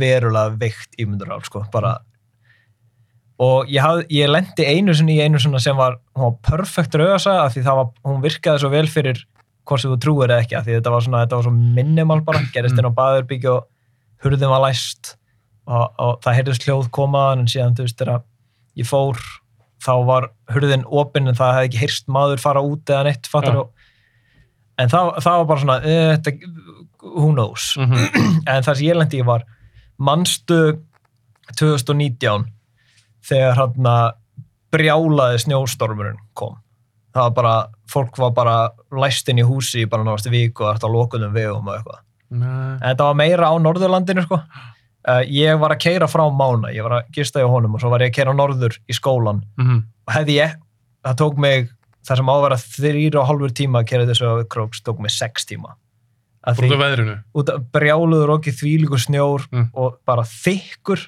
snjór og bara ógeðslega ljótt að horfa veginn, ég veist að keira bara á 30 og næsta allan tíma bara svo ég væri ekki uh, Ok. um, og það var búið að loka fyrir einn aðal veginn sem ég tek til Söðakróks þegar ég var komin langt á leið þannig ég veist að taka einhverja bull krókaleið Mm -hmm. sem Mm. hjálpaði ekki neitt það bara setti lengri tíma í að ég kæmist hefði ég ekki komist til króksinn þetta kvöld það hefði ég þurft að vera á mána í viku í viðbúta þegar það bara mátt enginn fara neitt mm, Og Og- það þurft að vera eitthvað staðar í viku. yes. greinlega ekki honum. Nei, hann, hann myndi ekki henda mér út en hérna sem sagt, ég er að keira og ég er að taka þessa krókaleið á bara Já. vegi sem ég kannast bara ekkert við og næsta stopp í raunin ætti að vera staðaskálin ég er búin að vera bara á einhverjum þjóðvegi einn, Mm. bara í myrkri sko. Og bara eins og maður sé lightspeed úr fálkanum sko, það er bara svo Mhm. mikið snjórómanu og, og ég er að keira og ég er bara svona að hlusta á sálina og, og eitthvað svona og síðan svona 20-30 metrum frá þá svona pýra í augun og ég svona ha? og ég sá mann lappa meðfram veginum, ekki á miðjum veginum hann var lappandi meðfram veginum og vegurinn svona fyrir neðan var svona pínu haltur Mm. og ég sá hann, hann var í svona björguna sveitar litunum, hann var í þú veist, hann var í svona rauðri kápu og hann var veist, bara húfu hérna og í svona þykkum snjóbuksum og ég, þú veist, ég sá hann bara eins og ég sé að sjá ykkur Mm. og ég hugsaði hvað er þessi gæði að gera hérna þú veist, er hann í alvörunni lappandi í þessu veðri hvert í fokkanum er hann að fara Mm. og ég sagði ég verð að bjóða hann að fara af því ég er að sjá hann alveg, veist, eins og ég sé bara mætunum á bílan, hann er að lappa frá mér Þetta fór ekkert milli mála. Þetta var Nei, maður bara- sem sást. það fór ekkert á milli máli ég, ég, Og þú stoppaðir sér fyrir hann. já, Ok. ég, ég, ég hugsaði ekki mér sekund að þetta gæti verið eitthvað annað því ég bara, oh, oh my god, hvað er manneski að gera hérna Já. og ég bara, ég verð að bjóða þessum gæði að fara þannig ég svona er að fara nær og ég lít aðeins svona niður til að fykta í hitanum í bílum og ég leiti upp og hann var ekki þarna lengur. Og með döðbráð því hann var búin að vera að lappa á svona smá halla, þannig ég held, fuck, gæn, datt. Þannig, þú veist, ég held bara hann hefði dottið niður og rúlað niður einhverja snjóbrekku, fattur þannig ég stoppa bílun, ég stíg út og ég bara, þú veist, bara, hei, þú veist eins og spyr hvort það sé í lagi með hann. En ég það er engin spór í snjónum, það er ekkert annað og ég fikk gæsa það. Og ég stóð bara þarna kjurr og leiði snjónum bara, og vindunum bara slá með þessi framan því ég var, ég var sjokkt af því ég leit niður það sem hefði átt að vera fótspor eftir hann alla þess að leiða að lappa þú veist, þegar ég var að keira á af því ég er náttúrulega bara á 30 sko, þannig ég er þú veist, að fara svona á honum. Og og ef hann hefði dotti þá hefði verið far eftir hann í brekkuna og ég var bara, Og var ekkert í kring, það var engin annan bíl ég var búin að vera einn á, á þessum vegi bara í hálftíma sko, nánast, og ég var bara það, þar slóða mig utan bara ég er bara einn í þarna og þá fór ég inn í bíl og ég held bara áfram að keira og ég, þú veist, ég hugsaði um þetta alla ferðina Hversu mikið þurftur að líta aft, í aftursæti inn á leiðinni? ég, ég setti speilun upp en En eins og máli, þegar þú heyrir þessa sögur, því þekkist það vel og veist alveg að Óli er ekkert að ljúa. Nei, nei, sko, Hva, hvað, veist, hvað finnst þér svona sögur veistu hvernig, gera, skilur? veistu hvernig Bloody Mary leikurinn virkar? Já. Maður fer hann í baðarbyrgi, þú lokar öllum, þú ert í nýðamirkrið, þú Mhm. ert að líti speilin, þú ert að segja þetta þegar ég svar. Uh, ef þú gerir þetta, þú getur í alvörinni séð andlit, af því að heiliðin virkar bara þannig. Þú ert þróaður til þess að sjá andlit. Mm Og ef þú eyðir mikið tíma í myrkrinu, bara heima hjá þér, þú leikur þér eitthvað tíma bara, ég mæli með að fólk pröfu þetta. Mm. Uh, farið í sturtu bara í nýðamirkri -hmm. og farið þið síðan bara þrýfið af ykkur og byrjið síðan að kíkja hans í speilin, byrjið að kíkja í kringum ykkur það er mjög auðvelt að sjá andlit bara í svona smá sekundu eða eitthvað því að heilin hann er að leita af þessu hann vill finna þetta og hann býr það til úr hlutunum í kringu sig Ok. uh, ég er ekki, ég held ekki til dæmis að þetta sé líga saga Nei. það, ef, eins og ég segi, það gæti verið til draugar ég veit það ekki, en það gæti líka verið að þú ert búin að vera einn í, þú ert búin að vera einnanna í 30 mínútur bara keirandi þú ert búin að vera, veit ég hvernig þú fyrst síðast að borða eða hvað og þú sérð þetta heilin bara Já. er að leita af þessu eða eitthvað svoleiðis það eru margar útskýringar á svona hlutum annað en bara á hann er að ljúa Já, en þú veist, það var bara málið er sko, þetta var bara eins og ég væri að mæta einhverjum, gang, eða ekki Mm. mæta einhverjum, en sjá einhvern gangandi á veginum og var að keira fram í hennum, því hann kom bara logically alltaf Mm. eins og hann ætti að koma nálægt og ég sá, þú veist, ég sá fötin hans og allt, ég sá aldrei andlitið því, þú veist, hann snýri baki mig, en og He heilin er líka halvnöður til að sjá, Já. sjá fött ok, en hérna, okay, en hérna kemur þetta coup de gras, Máni ok, ég, ég hérna undir lok ársins í fyrra Já. þá fekk ég Snapchat memory Mm. og ég kíkti í síman og ég, þetta var þegar ég var að lappa um einn í myrkrinu í þessu mikla snjó á heimavistinu minni Já. og ég svona holy shit, alveg þetta er, það er bara ár síðan þetta gerast og þá myndi ég, þetta er tekið tveim dögum eftir að ég sá hann draug. Þannig að það er eitt ár og tveir dagar síðan ég sá hann draug. Og þennan dag fæ ég símtal. Og það er Ingi Þór Já. og hann var líka í námi hann fyrir norðan. Og hann er einn af mínum bestu vinnum og Máni þekkir hann mjög vel. Ah. og Ing- Ingi Þór er ekki típan til að ljúa og hann sagði, hei hérna mannstu hann að drauga? sagði sem þú sagði mér þegar þú varst að keira hann og sást gæja á veginum. Og ég alveg, já. Hann alveg, já, hvar varstu? Og ég alveg, að ég veist að taka smá krókaleið. En næsta stopp í rauninni var ég veist að taka svona krókaleið að einhverjum til að ná loksis að komast á þjóðvegin Mm. til að komast að staðaskála. Hann, og hann, ertu að segja mér að næsta stopp var staðaskáli? Og ég alveg, já. Og hann sagði, já, ok. Hérna, það er næsta stoppi mitt og ég sá mann á veginum. Ó. Og líst hann eins og þú líst hann það? hann bara sá mann bara, hann, hann fór ekki fram með málum og hann var að keira í ekki jafn slæmum ekki jafn slæmum stað og ég sko og hérna þetta er ári og tveim dögum síðar þetta er bara næst í ár to the day Ég, sko, ég, ég, ég trú á drauga, sko, persónulega, en það kom strákur til mín, hann trú líka drauga, hann sést draug. Mm. Það er svona, hann, hann kom einn áhuga punkt. Hann er bara að sko, að það var hann og systir hans. Og þessi strákur sér eitthvað, en Mm. hann segir ekki neitt. Það var íbúinu þeirra þessu byggu. Mm. Hann sér eitthvað, segir ekki neitt. En svo segir systir hans, "Bíddu, hvað var þetta? Skilur, hún sá líka eitthvað án þess að hann hafi sagt, skilur. Mm. Veist, ef hann hefði sagt, eða spurt, sérðu mannin hann það? þá kannski myndi skilja að þú kannski býr til í hausnum gott að segja mann, að sjá mann finnst svona spooky Já. það er tvær manneskjur að sjá henni eitthvað saman hlut Mm. Eins og ég segi, ég var á sama bátu og hann fyrir, fyrir þetta. Ég var bara svona, ég persónulega trú ekki á en ef einhver segir mér sína sögu, þá er ég ekki að fara að segja þú ert að ljúa mér. Og funnily enough, Mike Flanagan er alveg eins. Trú, í trú, drauga já, hann, hann trúir ekki að drauga, en hann segir, en það er því ég persónulega hef ekki séð þitt. En ég á vini sem, seg, sem segja mér sögurnar sínar og ég er ekki að fara að segja, segja að kalla þið lígara. Men ég, ég hef heyrt svo margar svona sögur frá alls konar fólki Mm. og ég hef líka heyrt svona sögur frá sko eldri mönnum Mm. sem sko trú ekki á neitt Já. fattiði, Mm. sem ég var að vinna eins og með þá var ég að heyra svona sögur frá gömlu vinnistað þá áttu að vera reynd þar ég sá ekki neitt, það var fyrir mína tíð án ég byrjaði að vinna þarna en það voru nokkri sem voru að segja mér sögur frá þessu vinnistað og sikunum tímum, þeir voru ekki saman þetta var ekkert eitthvað svona djókum í hafstenni og bara þeir voru að segja mér svo sögu eins og þessi ákveðni maður sem ég huga þú veist, þessi gæi trúir ekki á raskat en hann sagði bara, þetta var eitthvað skrítið í gangi Mm. Mér finnst það rosalega áhverð Já, am- amma mín, hún hérna heitinn, hún Svala, hún sagði mér einu svona frábæra sögu. Mm. Hún nefnilega trúðadröð og hún, mér fannst nefnilega svo fyndið, þess vegna tengdi ég svo við The Shining þegar ég var yngra því ég sjálfur, ég, ég er ekki með krafta til að sjá drauga, Nei, en ég hef alltaf verið svona pínur næmur þegar ég fer inn í hús. Ekki súper mikið, en stundum finn, finnst mér bara eitthvað vond. Já, veist eins og það er hús sem ég þarf stundum að fara í, í vinnunum minni í eigum og mér finnst, ég fæ bara, þú veist, hjarslátturum minn fer örur, ég byrja bara svona, þú veist, ég bara, mér finnst þetta að vera í ill bygging, fattaru. mm Um, amma mín, hún sagði að, að ég fæði það frá henni, þess vegna tengdi ég alltaf svona við The Shining, að því.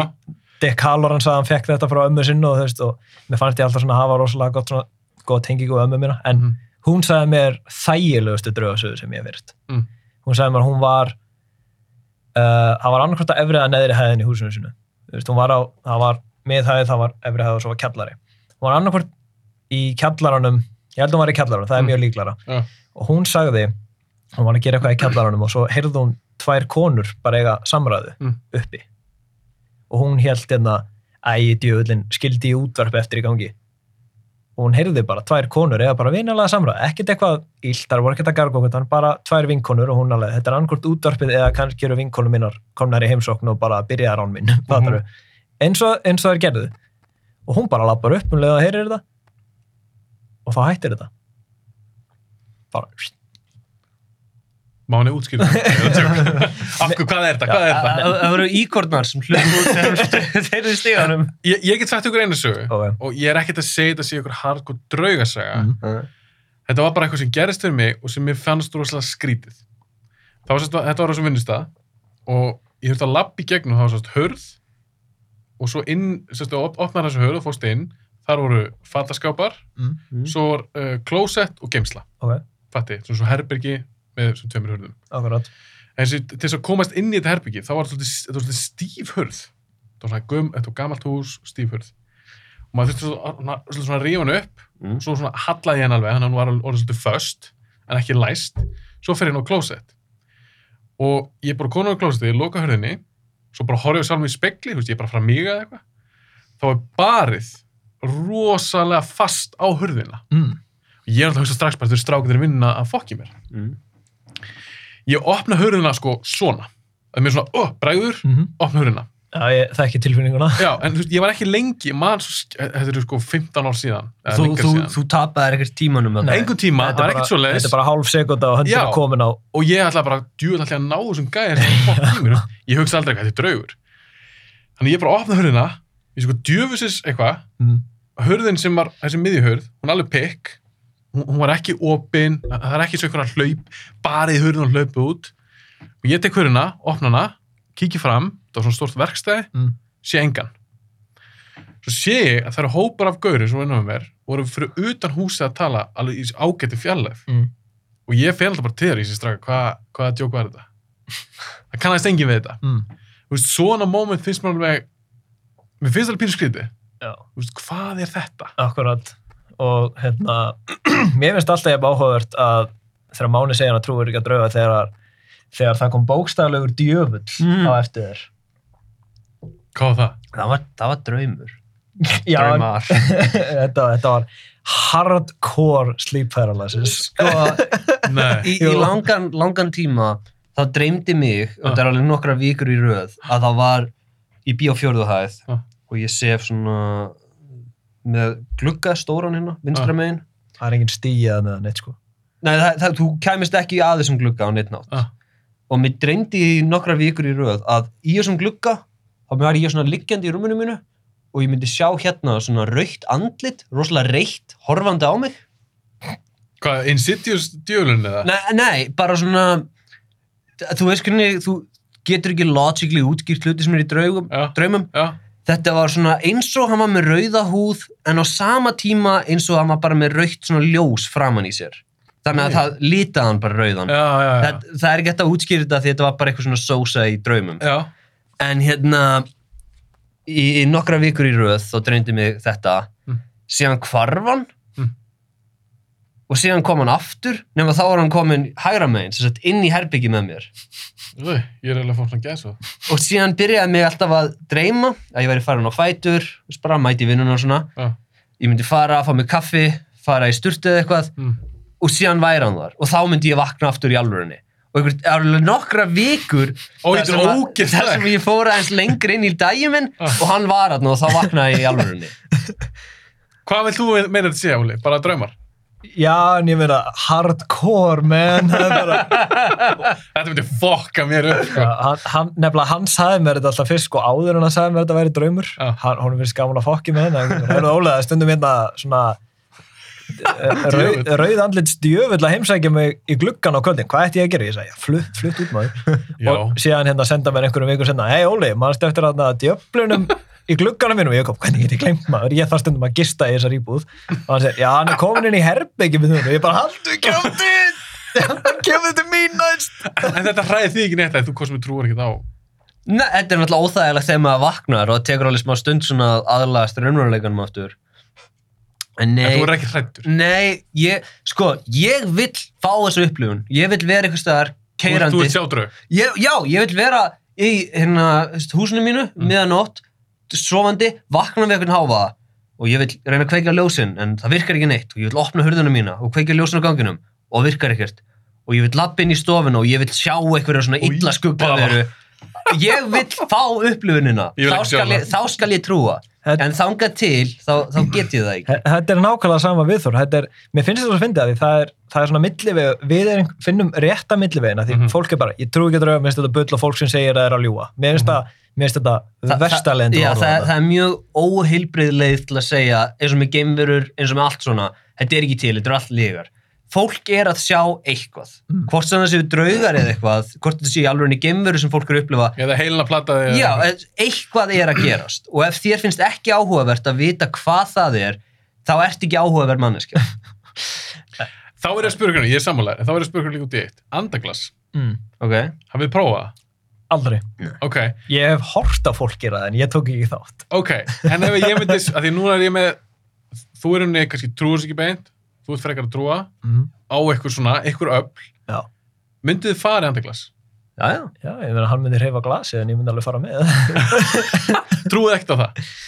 ég bara, ég trú einhvern veginn frekar á Ouija boardið, mér finnst andaglas eitthvað svo spes. sko, Ég veit ekki af hverju, en afi minn segist hafa haft mjög neikvæða reynslur með andaglas þegar hann var krakki og hann bannaði mér og frænda mínum að leika okkur með þetta Mm og hérna Hvað, hvað finnst þér það til þess? Að aðeins segir eitthvað svona við þig? afi minn er stórsklíka Nei, en, en eins og ég segi þetta, veist, er þetta ertu að fanga einhver, einhver anda illa eða góða, andaglas þú færði ekki alltaf slæma anda, Nei. stundum færðu bara, ömmuðin eða eitthvað. En ég ætla ekki að fara í þessa rústisku rúlutu, sko. Nei, en, en eða ertu, þú veist, átt ára krakki og þú ert svona pínu hæpaður upp í, þú vilt að þetta sé satt? Ég, sé, ég veit það ekki, þetta myndi þurfa að gerast við mig. En þá ætla ég að spyrja ykkur út í eitt. Nú veit ég hvort að þið viljið tala um þetta hérna í podcastunni, en ættið þið ekki saman að gista ykkur svona haunted house dæmi? það er planið það er planið. Já, þið ætla, það er þið tverið ekki. Veist, Mán ætla að gera þetta með þér, Ólið, ekki? Jú, og við ætlum að fá Inga, Áspjöld og Dotti. Dotti ætlar að koma með myndavel. Já, þið ætla, þið ætla að vera svo margir. Já, við ætlum að dokumenta þetta maður. Getið þið sagt hvaða hús þetta er eða vil ég ekki tala um það? Já, Það er leyndarmál. Ég geti það svo sem. þú. Þú veist, ég Hvað, veit- á, hvað er ástæðan fyrir þið völdu þetta? Er þetta eitthvað eitt hús eða? Þetta er, þetta er Kvítarnes, reymdasta hús Íslands. Og ég veit það ekki, þetta er bara ég og þetta kom í rauninu bara frá mjög stuttu svari við link sem ég sendi. Ég, send, Ah. ég var að gera research fyrir drasl sem ég er að reyna að skrifa núna. Mm Uh, ég get ekki talað um það í augnablikinu því miður. Ég, ég væri til í það, ég get gert það off-camera. En, en uh, ég byrjaði að skoða svona reymdustu hús á Íslandi, svo sá ég Kvítarnes og byrjaði að flatta um það og svo sendi ég mána link bara reymdustu staðar á Íslandi Ah. og fyrst, fyrsta sem hann svaraði er, hvernig förum við? og Já, var bara, þú vilt nefnilega sjá eitthvað. Ég, eins og ég segi, ég vill fá þessu upplifun. Þetta, þetta er eins og hversu, hversu leiðileg manneskja þarft að vera til að hugsa, "Nei, þetta er ekki til og ég vill ekki vita meira um þetta. Ok, farðu, farðu heim til þín og lifðu í kassanu þín. Ok, þannig að þið ætla að gera þetta. Gista já, hérna. já, við, við ætlum að reyna að ná því í janúar en og ná, við náðum heldur ekki núna í mánun við vonandi náum því núna í mars ég er endar pínu upptekinu mars, vonandi náðu því í april Ok, það plan er alltaf að gera þetta einhvern tíma. Þetta, þetta gerist. Og hvað er pointið með þessu? Er- Langar ykkur bara að prófa þetta upp á djóki? ekki einhvern veginn upp á djókið, okkur langar bara að gista þarna maður er búin að heyra sögur af fólki og þetta er svona, líka bara þegar maður var yngri þá var stundum svona gaman að fara í svona yfirgefin hús og eitthvað og bara, Mhm. að það kannski gerist eitthvað þú veist, það gerist aldrei neitt en, en Það gerist hjá mér. já, en, Fólki kom heim í það var ekki yfirgefið. þetta var ekki yfirgjöf. Sérst alveg fólk, ekki draugar. en, en ég veit það ekki, bara eins og Ingi Þór, hann elskar að vera svona hrættur, hann elskar að hræða sjálfum sér svona með svona creepy pælingum og áspjöld, hann er rosalega hrifin svona eins og við löpum um þegar rafmagnið fór af uh, á vistinni á, á króknum í 14 klukkutíma það var rafmagnslust í 14 fucking klukkutíma Það og, og það var að byrja að vera dimmt klukkan 8, fattar við og, og við löpum bara um vistina bara í neyðan virkur og það var alveg eitthvað við það sko, en hafandi heyrt hluti og Dotti líka, Dotti elskar svona stöf sko, Mhm. hann lendi í einu viðbjöð í svoleiðis húsi, þetta er einn óþægilegast að sagða, ég skal, ég skal, ég skal segja það eftir á en Já, má- Viltu ekki segja hann í podcastunum? Jú, ég skal segja hann bara þegar ég er búinn að koma Ok, þessu frá. ok. Það var hérna, við eldumst bara við eitthvað svona bara því okkur finnst þetta spennandi og líka gaman að gera þetta saman. Já. Þetta, þetta væri svona, jafnvel ef við upplöfum ekki neitt, þá erum við samt bara svona, við gerðum þetta, við fórum bara allir saman og bara ha- hafa gaman að þessu. Og ef eitthvað gerist, þá höfum við allir sögu. Það er bara, Mhm. en sagan, þetta er hérna, það. þetta er sko, að því að þetta er massa óþægilegt sko. hann var í svona Ég yfirgef, spenntur. hann var í yfirgefnu húsi alveg vel fucking yfirgefnu Eitt bara. já, einn, eins og þessi, hann, hann gerir svona hluti sko. hann, það bjó enginn hann, enginn búin að búa hann í einhver tíma og Er, er þetta bara svona hús í einhverju niður nýslu? Er þetta að tala um það eða er þetta bara... það var ekki einu sinni verið að rífa þetta var bara, það var bara að búa að vera hann ekki lengur, hann fór Ah. bara hann inn Og hva, hvar segir þetta er? Er þetta svona bóndabæð? þetta er, þetta er farið núna, þetta var hús í eigum Ok. en hérna, Var þetta bara íbúður hús? Já, þetta var bara svona einbýlishús bara Ok. en hérna hann var að lappa um og hann, þetta var á þrem hæðum eða þú veist það var, hæð, það var efrið og svo var háaloftið Mm og hann eins Oh, og the, yes. du- the dumbass í, í hryllingsmynd um leiðan sko, hann er á efri hæðinni og hann heyrði svona komandi frá efri hæðinu og, svona, og hann bara svona eh, rottur eða eitthvað Ja, ja. og það sem hann gerir er að hann kíkir hausnum upp á háaloftið og svona skimar það Eins og í já, og bara svona, hann fór ekki allur upp Ja. af því hann er ekki heimskur en hann var bara svona, þú veist, hausun upp hann er hávaksingaður og hérna, hérna fór niður og svona, að, ég held að þessi komið tími til að fara af því hann sá ekki neitt sko, Ja. en þetta var svona óþægilegt af því hann sá engan rottu eða engan kött Ja. hann, hann er komið niður stegana að kjallarunum og hann er byrjar að lappa niður af efri hæðinni til að komast út þetta hörni Ja. Og hann heyrir einhvern koma hlaupandi niður Ó! og hann braust út um það fór út á miljón sko. hann heyrði bara komandi frá hálóftur Eins og var eitthvað að koma eftir honum. já, bara beint af hálóftur og hann var bara Bögg!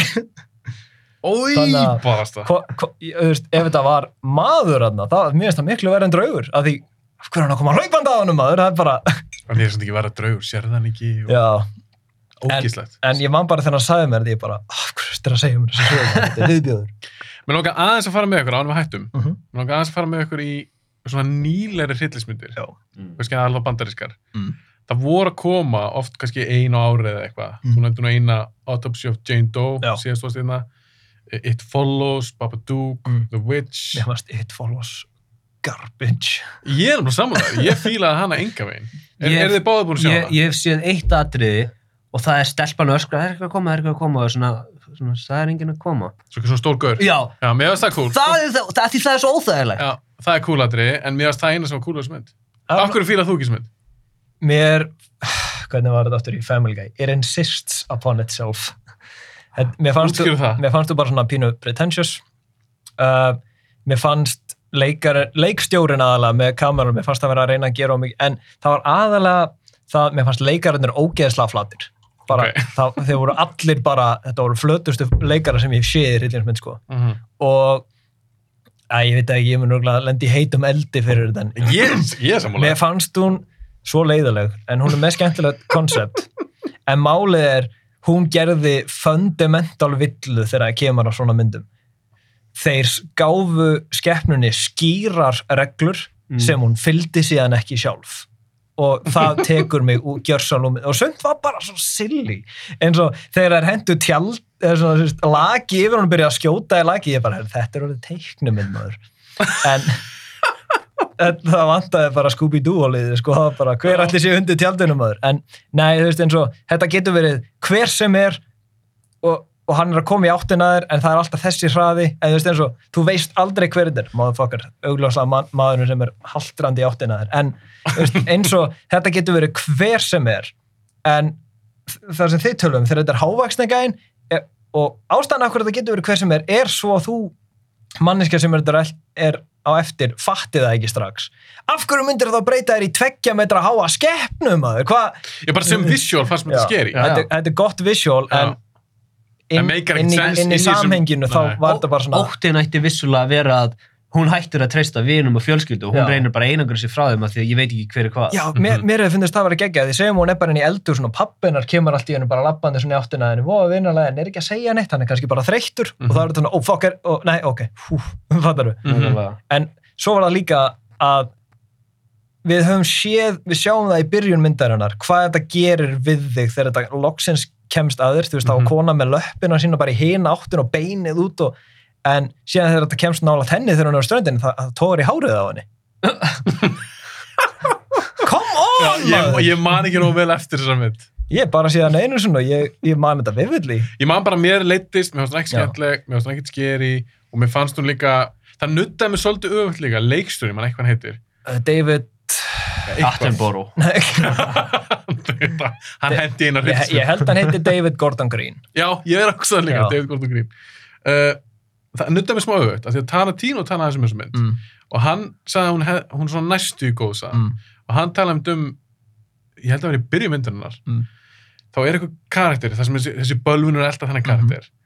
Og það er eins og að því að hann á að vita hvernig það virkar. Hann á að vita hvernig þetta er, ég veit hvort þú mannst þetta. Þetta er einhver bíóhús eða eitthvað svo sér hann bölvununa en hann Mhm. veit samt ekki, hann, þá fattar hann ekki hvað þetta er. Já, það er sér svona svindla því við mögum ekki vita það strax Mhm. sko. Og þetta buggaði Tarantino. Já. svo leikstjóri spyrir út í þetta. Mm, og þá var hann bara eitthvað svona þá- pakkaði hann bara í vörn og fór eitthvað svona Mhm. drull yfir eitthvað, já en Tarantino eitthvað svona enn með þessa mynd. Já. Það nuttaði mig öfugt, mm, ég fílaði það bara ekki nei, það er alltaf lagi að segja já, ég, ég svindlaði pínu já, af því að ég hafði ekki tíma eða whatever, ég gæti ekki púsla þessu aðeins betur saman. Já, þannig að það er eitt svindl alltaf Akkur ekki að segja það? þetta er já en hann datt svona í smá róka, þú Seg- talaði um tilgerlegt sko. Já, Æ, mér fannst þetta bara, mér fannst hún reyna að fókusa á að vera eitthvað svona geðveikt að því allar þessar löngu svona svona tökur Mhm. og líka bara heimurinn sem þetta er í bara virkar ekki fyrir maður því ég veit að þetta átti að vera svona á að gerast í svona tímalessu svæði en þú veist það eru, þeir eru að horfa svartkveitu myndir og svo erum við svona skelja síma og ég bara, þetta, þetta er þetta því einhverjum fannst þetta cool þetta servar ekki neinu Skelja síma yeah. en, en, en ef við förum aðeins í til dæmis Witch, hvernig veist það hún, sáðu hana? Já, mér finnst hún góð Ah. en ég veit ekki hvort ég myndi setja hana sem hryllingsmynd Jú, svona, no, hún, er, hún er öðru sér hryllingsmynd Óli? Ég sá hann ekki. Þú sást ekki með Nei, mér mér langaði að sjá hann, en ég bara hef ekki gefið mig tíman í hann. Ég sit svo lengi á myndum eins og ég sá hann að jakten með Mats Mikkelsen bara í fyrsta þessum daginn. Já, ég er enda líka þannig, oft myndi sem ég sé bara töluð setna. Ég var ekki saglega fyrir henni, mér finnst hún leiðileg. Jaktin. Nei, nei, nei, nei, nei. hún er góð. Nei, The Witch, mér finnst það ekki skemmtileg. Babadook, Uh, ég hana? sá hana. Ég sá var... Þú, þú eða? Óli byrjar Já, núna. ég, horfði á hana með helgabinni félag mérum og mér fannst hún rosalega creepy og ég skil svona hvað hann var að að segja, Mm. en hú, sumt, sumt þarna var bara alls ekki að virka fyrir mig. Hún var, það var bara, þessi fucking krakki maður. Mér finnst krakkinn fýtt, hann var mjög krakkalur, mjög pyrrandi. Já, ég, ég veit að það var punktu myndarinn að okkur, að okkur á að líða eins og mömmunni bara, þú veist, ég veit að þessi krakki er óþólandi en ég þarf að vera með honum allan tíman. My lord, það var bara, Mér, mér leittist, það ekki skemmtileg. mér fannst hún svo, þú veist, eins og, það er alltaf eitthvað við svona myndir, þar sem það eru með eitthvað eitt sem alveg nærmann, eins og þegar hún var í alveg að skoða hann bókina og, og skuggina á veggnum og ég var bara svona, þetta er góða stöfið. En hins vegar, segjum að ég sé móðið stráks og ég finn einhverjana ógeðslega creepy bók, ég er ekki bara að lesa þetta fyrir hann þegar hann er bara að sofa maður, hvað, ég, ég, ég myndi gluggi þetta fyrst. Fyrst. En mér fannst sko, með alltaf nýju myndir, nýlega hryllismyndir, Mm. mér finnst stundum eins, eins og leiksturinn sé bara eitthvað svona, já, já, hvernig getur gert hryllismynd sem er ógstlega leðileg? ég alveg tala, ég, ég bara, hvað er fönnið? Já, sko, með Babadook, hún, mér finnst hún ekkert mistraverk. Hún Mm. fekk rosalega góða dóma mann ég Mhm, þegar hún kom mhm. út. Ég er ekki tilbúin að segja að mér finnst hún leiðileg, að því að mér finnst hún alveg einu skrefi hærri en að vera leiðileg. Hún mér finnst hún svona eins og The Eye. Þetta er, þetta er fín mynd. Svona áhugaver pæling, Já. kannski ekki mikið meira en það. Þetta er eiginlega sama premiss og þeir notuðu í, veist, Silent Hill 2 fyrir 20 árum síðan. Já. Já, já, já, svona, þannig að það er kannski ekki alveg upprunalegasta myndin um, en með svona nýlega hryllingsmyndir þú er náttúrulega með myndir eins og Gone Geom sem kom út bara fyrir tveim árum eða eitthvað svo ertu líka með hvað uppáhaldsillilsmyndin okkar, Autopsy of Jane Doe, hún er góð stórkostleg. Hún er helviti góð. Við rættum hana einmitt í síðastri og hún er rosa vannmyndin. fólk En- sefur á henni En, en hvern, hvernig fannst ykkur Midsommar og Hereditary? ég hef séð hvoru Ég hef séð Hereditary, já, en það eftir að kíka á Midsommar. Uh, mér fannst Hereditary mjög upplug. Mm. Uh, mér persónulega fannst hún ekki það skeri. Mm. En það er kannski bara því ég einhvern veginn svona fyr, fyrir utan fyrir utan atrið í bílum þá var ég svona eiginlega svona búin að gera mig grein fyrir hvað var að fara að gerast. Mm. Fannst hún fyrir sjánlega? ekki fyrir sjáanlega, það er kannski maður er búin að sjá svo mikið að myndum að hlutir eru hættir að koma manna óvart það var svona, "Æ, já, þetta er svona hvert þetta myndi fara en hún var ekki hún ógislega vel leikinn alveg bara, hún hérna Tony Collette? Toni Collette, hún er náttúrulega stórkvæmslega í öllu sem hún er í, hún var hérna influencerinn í Knives Out. Á hún er svo góð. Hún er svo góð. Uh, Alveg rétt, ég var búin að gleyma, hún er í henni. hún er stórkvæmslega í þessum mynd. Já, Náttúrulega Michael, Shannon alltaf stelur öllu í þeirra mynd en Hereditary fannst mér rosalega góð en ég persónulega var ekki hrættur við hann en það er kannski að ég einhvern veginn ég verð bara hrættur við aðra hluti og jafnvel þeir hluti sem virka rétt og ættu í raun að hræða mig stundum bara hitta þeir ekki í mark eins og ég- sé ástæðana af hverju fólk finnst Hereditary skeri á sama átt og mér finnst Haunting of Hill House vera sko, viðbjöður, fattar Mm -hmm. en þetta er bara smekksatur og það er bara ákveðinu hluti sem hitta beint í mann sko. Mér finnst Hereditary ekkit svakalega skeri, Nei. en það sem ég fílaði við hana er að mér finnst það svo mikið alvöru horror í henni. Mm En þegar myndin er búin, það er alveg bara svona, uff, þetta er alveg, þetta er, þetta er já, dot, sko. því hrollveikjan er að koma frá Já, það sem persóðnar er að upplifa Já. og já, andl, það sem eru að upplifa ekki bara líkamlega heldur andlega og það er rétta leiðin Þú þetta er rosalega góð mynd en hún, hún gerði, ok, ég ég skulum segja það góð mynd, 8 af 10 hún gerði ekki neitt fyrir mig, fattar þau? fyrir þið persóna, bara fyrir þinn smekk, þá var hann kannski ekki að kveikja mikið þér. Nei, en þú veist, ég myndi aldrei kalla hana lélega. Ég, ég mun aldrei skilja þar að fólk horfir á myndir sem er að fá geggja góða dóma eða þú veist eitthvað, þetta eru vel þekktar, geðveitt fræga myndir og þeir segja bara, hún er léleg. Ekki, mér fannst hún léleg. Fattar þau? Já, já, já, ég sammála, ég svona staðhæfingin bara, þetta er algjör strast. Come on maður, mér líka við þessa mynd. Fattar Já, þau? ég, ég líka, ég hef stundu sagt, stundu finnst mér eitthvað leiðilegt, Já, en kannski ekki lélegt. já. Þetta bara, mér, þetta höfðu það ekki til mín. Það er það sem Hereditary gerir fyrir mig. Ég horfði á hann alla leiki gegn og ég bara, þetta var vel leikinn, vel sett saman, vel skrifuð bíómynd. Hún bara, hún bara náði ekki til mín En eins og með Jeepers Creepers, sá það hana? já, Ég elska hana. já Já. ég, ég, ég sé af hverju ég, gerir- Sem. Jú, býttu, er það ekki þegar hann er að stela augunum? Já, hann með alls konar líffærum. Stelur hann ekki ykkur um augum í endanum? Jú. Jú, ok, það hef ég séð hann fyrir alveg með miljón árum. vínilplötunni Jeepers. Creepers Fannst þér hún hræðileg? Justin Long ekki í henni? Jú, jú.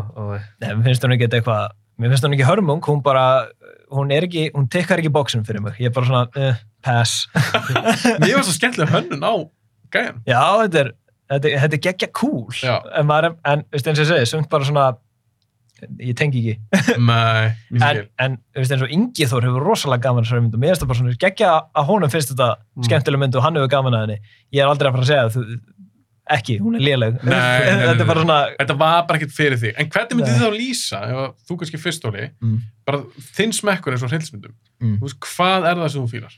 Hvað, hvað eins og tala um tikki box? Já, það, það er alltaf, sko, stundum er það settin, með- en það er ekkert endalega einhver giant set pieces út um allt, en þú veist, það er, hún þarf rétta andrumsloftið fyrir mig, það er bara að byggja upp gott andrumsloft, ég þarf að tengja rosalega vel við personar eða skilja hvaðan personar er að koma. Það er sem finnst mér Hill House og magnað að því allar personar eru með sikk og sjónarhóðnið og þú skilur af hverju einhver myndi segja mér finnst hann ekki verið í réttunni Mm -hmm. og þessi kannski segir þessi hérna er klála á réttum stað en ég, en ég er á sama tíma ok, en ég er meira, ég skil hvaðan Steve er að koma en ef, en ef þú tengir meira við Luke, ég gjör sannlega að skilja það þetta er svona að hafa rétt tak á sjónarhóttn andra persónuna og ég vil miklu meira halda tension en releaseið. Eins og með gæjan í kjallarunum í Gonjiam Mm -hmm. þetta er hrollveginn fyrir mér að, að geta teikt þetta svona mikið og vilja bara svona veit ekki alveg hvað er að koma næst. Og svo líka bara virkar myndin sem mynd sjálf? Getur mér fundist myndin vera góð jafnvel ef hún hræði mig ekki Mm -hmm. af því ef hrollvegjan er ekki að gera neitt fyrir mig og myndin ekki heldur þá finnst mér þetta hrinja eins og Dr. Sleep, mér finnst hún ekki skeri en mér finnst þetta var rosalega góð mynd Já, já, já, ég skilji. að það, fyrir mér er það bara hrollveikjan þarf að vera þetta þarf að virka sem sin, sin eigin hlutur þetta má ekki bara vera, ég er að reyna að hræða þig En ertu með eitthvað svona preference? Viltu drauga, frekar en vampýrur, frekar en varúla? ég vil, frek, ég vil frekar drauga eða svona yfirnáttúrulegt, þú veist eins og Autopsy of Jane Doe er ekki beint draugamynd hún er supernatural meira Mm -hmm. Segja saman með Gonjiam. já, Gonjiam virkar á sama hátt og Hill House og svona flest svona Mike Flanagan stoff og eitthvað svona og líka bara eins og Conjuring og svona, þetta er, En það er svona draugamynd. það er draugamynd en, Það er djöflamynd. já, það er líka djöflamynd Það er svona bland. Já, ég er bara svona að fara í preferences, ég fíla yfirnáttúrulega eða, eða drauga. Ég leitast alltaf í góða Ok. okay. það, var, það var hvað við fengum meðmælun á Gonjiam, það var Helgi, vinnur okkar sem býr í Japan. Sem bent okkur hana. Já, hann var nýbúinn að sjá hana bara, gauður, hóla þessa. Bara, hann vissi strax að ég myndi fíla hana, því hann veit hverju ég leit, leitast eftir. Hvað þú fílar. Já, eins og þarna Ateratos og svona. sem Ég þarf að sjá hana. Hún er, hún er góð, sko. En þú, Máni, hvað hva fílar þú við hilsmyndu? Hvað tekið bóksinu þér?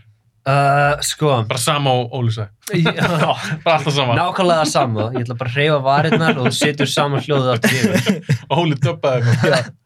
Nei, sko, já, í rauninni, en eins og mér finnst alltaf mikið fyrir Snerra. Snerraði bara.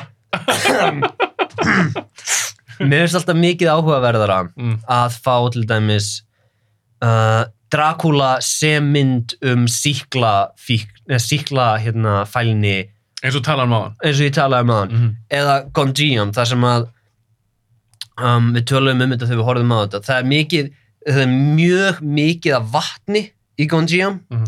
uh, og hérna þú færð þetta líka í uh, Darkwater þú færð þetta í The Ring hún kemur úr brunnunum Mhm. þetta byggir á gömlum japanskum svona, svona uh, Þjóðsögum. þjóðsögum þar sem að þegar vatnið er kjurt Mm. þá er það illt þegar vatnið er reyfingu þá er það gott og þegar vatnið er kjurt þá koma náttúrulega blóðsugur og að, aðrir svona ógísleg Já. lítil skortir og verpa ekkjunu sinum í það Uh í flæðinu myndu ekkjunu all fljúa í burtu -huh.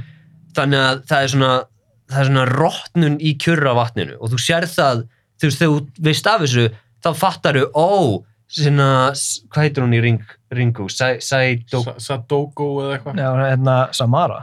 já, þú, þú, þú Já, það er skilur, ekki gröts. Jú, sorry, það er það gröts. Uh, þú, þú Eitthvað skilur, sagði já, eitthvað. þú, þú skilur að hún er ekki ill, hún er bara svona rottnun og sama með Darkwater það, að því hún er búin að liggja í vatninu svo lengi þetta er rottnun, sama með Gonjiam uh, það er rosalega mikil svona mennsk, andleg rottnun í húsinu sjálfu mér finnst rosalega áhugavert að sjá hvernig þú getur notað svona stærri hugmyndir en bara að bregða fólki mér finnst gaman að láta bregða mér en Þú mér veist eitthvað meira. já, uh, sástu eitthvað tíman Noroi The, the Curse The Curse. Nei, hvað myndi það? hún er sko Hvað mynd- slenskar hún? hún er japansk Já. hún hérna, þetta er, eins, þetta er mjög svipað Blair Witch, það sem þetta er bara svona heimildamynd Ah, nema ég myndi segja að þetta sé mun, mun betri mynd mér har spyrits aldrei. svo- nei, mér finnst þetta er eins og Blair Witch Sem er góð. Já, ef að gæinn vissi hvað hann var að gera Ok, Svona full mótuð hugmynd. já, ok. og hérna, ég ætla ekki að spoila henni Ekki fyrir þér. spóilina því ég hef ekki sé hana. en það er einmitt dæmi um þannig ertu með koncept mjög vel executað Mm og ég vil frekar sjá það en eins og ég segi, bara sker í draugu á svo leiðis Ok, þá ætlum ég að spyrja, endum á þessu hérna. Ok. Uppáhalds, bara all time, Ú, uppáhalds hryllismynd, þið megið segja tvæ, þrjár kannski. Ok. Þið þurfum ekki að velja eina. En bara, þú veist, hvað er svona á toppnum hjá okkur? Kannski, Máni, þú byrjaði bara núna. Uh, örgulega leðilegt svara því að það fer eftir bara í hvernig svona stuði maður er í Við erum örgulega með eitthvað mjög svipað. Ok, Já, sjáum til. um, sko, ég hef gaman af eins og Insidious, það er mjög óþægileg mynd á köflum, Ok. saman með Gonjiam mjög óþægileg Mm uh, ég horfði nýla á mynd sem heitir Jigoku Mm. sem er ekki beint hryllingsmynd, svona já og nei svona það er bara fólk sem að lifir lífi sinu í algjöru brjálaði síðan deyja þau öll og þau fyrir að sjá mismunandi helvítin sem þau fara öll í -hmm. um, þannig að ég verði alveg að segja það bara leðalegt svar, sorry, en það fer eftir degi Ok, þannig að þú ætlar ekki, að að svara þessu. ég get ekki svarað þessi Ok, Skal- Óli, skal- þú er að svara. Ég skal svara fyrir okkur báða. okay. Ég er að pressa þig, þú Uh, verður að svara. Ok, sko, ég held að ég eigi ekki nummer eitt upp á hryllingsmynd. Mm. En það er endar alltaf svona einn sem poppar upp, þannig að hún endar örgulega sem svona lokasvarið, þannig að ég skal býða þess með hana. The Mist Nei, en hún er mjög góð. Náttúrulega uppáhaldsmyndi mín ever er Zodiac. En Það er það er ekki hryllingsmynd. En hún er með Hrollvíkju Kabla, það er kjallarinn. Já, þetta er meira svona thriller. Já, veist, ég var bara svona... Þú varst veist, að koma, henni inn í umræðina. Já, ég, ég tróði hennin. En varandi hryllingsmyndir, það er til dæmis John Carpenter's The Thing. Það er bara, mér finnst hún fullkomin. ah, Finnst þú- jú, Finnst þú skeri? hún er upp á sýrlingsmyndi minn og þú segir það Þú veist að ég svara okkur báða. Ég, vi- ég vissi að það eru upp á hryllingsmyndir. En ég elska það þeng líka. Já. En mér, er samt, mér finnst það spennandi, mér finnst það Mm. ekki svaklega skeri. Finnst þú skeri? Já, náttúrulega, þegar ég sá hana fyrst, það fannst mér nú bullskeri, sko. Ok. en hérna, en núna, þú veist, hún er ekki það skeri fyrir mann núna, en hún er samt rosalega góð bíómynd. Þetta er er bara, hún, hún stendur á eigin fótum, tak, takandi burt að manni þarf ekki að út hún skeri. Er eins og fólk segir bara, þú veist, ég horfði á það þing og þú veist, þegar að vera að fara við bestur hillinsmyndir heimi, fannst hún ekki að skeri, en fannst hún góð? Já, mér fannst hún mjög góð. Þú veist, þetta er svona Ég meina, þetta er frábær mynd. Ég það bara masterpiece. Ok, Thing. The Thing, um, svo myndi ég segja, uh, mér fannst The Descent rosalega góð. Mitt nummer eitt. Já, oh my god, ég var með sögu um hana sem ég ætlaði að segja þér. Hvað er með Ok, það? Við bara höfum smá fyrst tíma. við erum hérna. Fyrst- ah, já, Ok. þessi Já, Erðu, ég er með rosalega upplifun á hvernig ég sá hana fyrst. Ég sá hana fyrst út af klikkun hjá Rúf. Þetta er sönnsaga, það eru margir í- tengdir þessari sögu. Hvað er með það? Ok, Helgi minn, hann átti heima á Hortnafyrði Mhm. og við töluðum oft bara í gegnum síman þegar við vorum yngri, að því við vorum ekki með Facebook á tímanum. Já.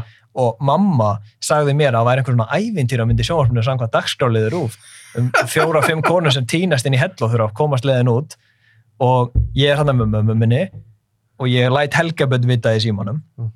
og við ætlum að horfa að því þegar hún byrjar þá er, það er ekkert raukt merki, það er ekkert gult, það er glært bara fyrir alla fjölskylduna maður og þetta er ég, mamma mín, uh, litla sýsti mín Mm.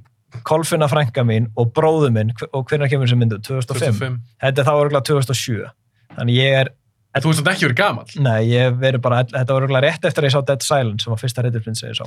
En þú er samt Og svo ungur setur Ég er samt, já, ungur og bróðu minn, hann er hann er náttúrulega bara fjögur ára og hérna sýsti minn er tveimur ára en ég og við erum bara öll hérna síðan koman atrið þegar hún brýtur á sér löppin og þeirra íta beinin aftur og mamma var alveg, "Ó, þetta er svolítið skrítið atrið en ég hef séð gróf atrið í að en síðan þegar En var hann ekki búin að fá líka spjóti gegnum haus, hann auga? við, við höfum bara öll mistað í einhvern veginn þetta er, þetta er pínu blurry minninga, það er alltaf eitt man Já.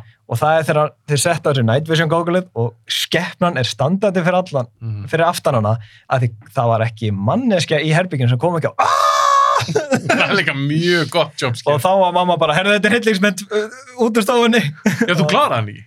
Á þeim tíma. Jú, ég, ég kláraði hana en það var að því, að því gluggarnir í húsin okkar eru svo stórir Já. að ég gætt hort bara inn í, ég, ég gætt hort inn í stofuna frá eldhúsinu og síðan í endurspeglinu Mér er bara að klára þessa myndmaður, ég er byrjaður Þú sérst horður á descent Mhm. í gegnum rúðu.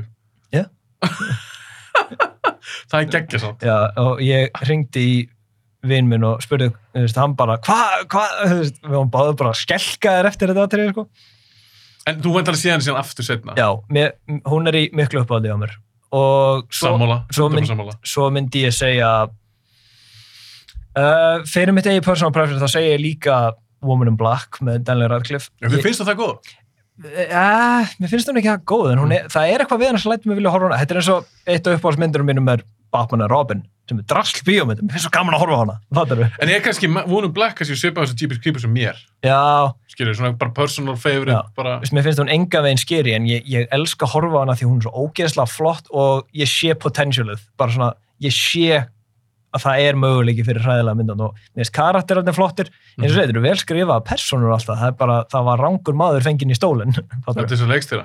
Já, og svo myndi ég segja uh, Gonjiam, ég bara ég gæti ekki mælt meira með henni. Mm og en ef ég erst að velja upp á alls bara, ef ég mætti bara horfa á eina hryllismynd restina af lífuminu, Þú bara eigði ég, farið með eina já, þá er það allan daginn Autopsy of Jane Doe.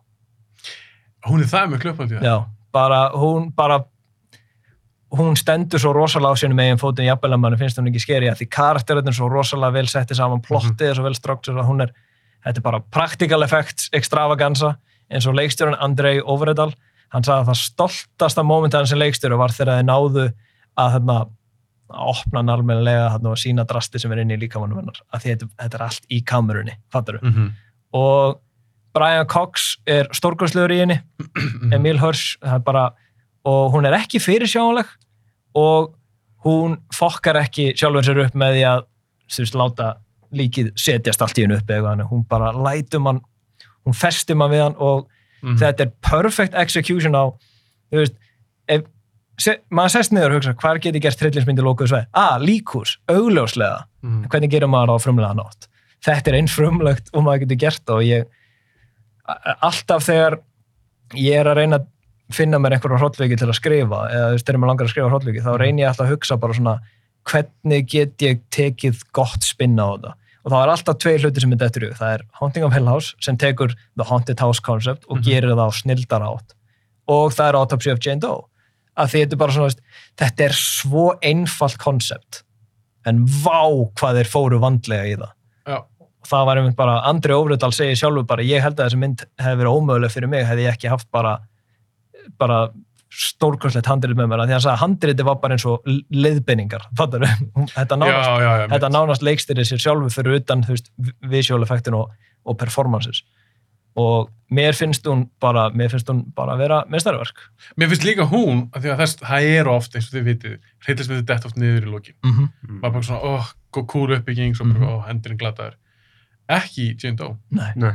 Öll myndin er, þetta er rosa flott verk. Mm Og ég mælu með að fólk er ekki búin að sjá hana, horfa hana. Já. Hún er geggjuð. að því endirinn svíkur mann ekki Nei, nei, nákvæmlega, ég var sáttur Já, með að, allt. að því hún hún setur upp svona, svona ósýnilega reglur, hún einhvern veginn svona það eru þú veist, það er ekki verið að segja manni þetta er hægt, þetta er hægt, þetta er hægt og þetta er ekki hægt, það er bara maður þarf sem áhorfandi sjálfur að vita og hún bara svona hún heldur ekki hendin á þér en á sama tíma þá hún treystir áhorfandur og nógu mikið Mm og mér fannst hún ennþá betri þegar ég horfa á henni í setnarskiptið að því þá byrjaði maður að sjá hluti sem hefði átt að vera svo augljósir fyrir, fram, fyrir mann allan tíman -hmm. eins og þarna, þú veist, þarna útvarpið. Máni brosti bara. Ég vil ekki, ég vil ekki er. Nei, þetta, þetta er það nálaðast þess að ég kemur spoilerin. Þetta er bara, Já. þú veist, á setni áhrunum þá kemur þetta og slær mann í framann. Þetta er frábær mynd. Stórgörleg. Ef ekki bara slúttustrákar? Jú, herru, ég er með eitt hérna, ég gaf þér handritið, en Já. ég var með svolítið skemmtilegt þér líka.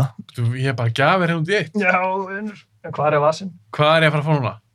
Þetta er svolítið skemmtilegt, af því ég veit að þú heldur mikið upp á, eh, þú ert kannski í stæsti aðdóðan leiksjónar, en ég veit að þú elskar þessa bíómynd. Og það er alltaf gaman að eiga prop. Já. Hey, Inception! Yes. Þetta er ekki kringlan sem þú gafst Nei, með nei, ég sé En þú veist, þetta er ekki, og fi- jú, herru, þetta er mert Inception. Já, maður. Hann Óli er að gefa mér hérna, heitir ekki bara skoppara Jú. kringla eða eitthvað? Skoppar að kringla.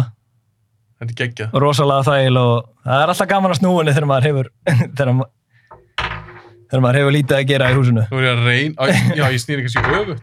Já, ég er ekki góður í það er þessu. hérna ég nota alltaf þessa tvo einhvern veginn það er, ö, nei Já, flott. það er svona sko og þetta, þetta hérna er gjöf frá mittið þinn Takk maður. minnstamál Fekk bara geggjað, fekk tvær geggjaða gefur. yes.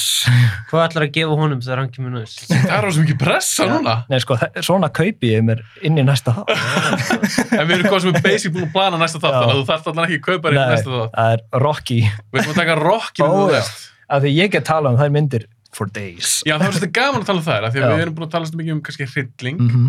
Við erum að fara út í allt þessu myndi næst. Mm -hmm. Og þegar ég sagði henni félag minnum, hann hlustaði á þáttun okkar já, og hann var mjög skemmtilegur. Mm. Og ég sagði, já, ég erum að reyna að plana hann hvort hryllismyndu þátt eða Rocky þátt, við erum ekki alveg ákveða hvað við fyrst.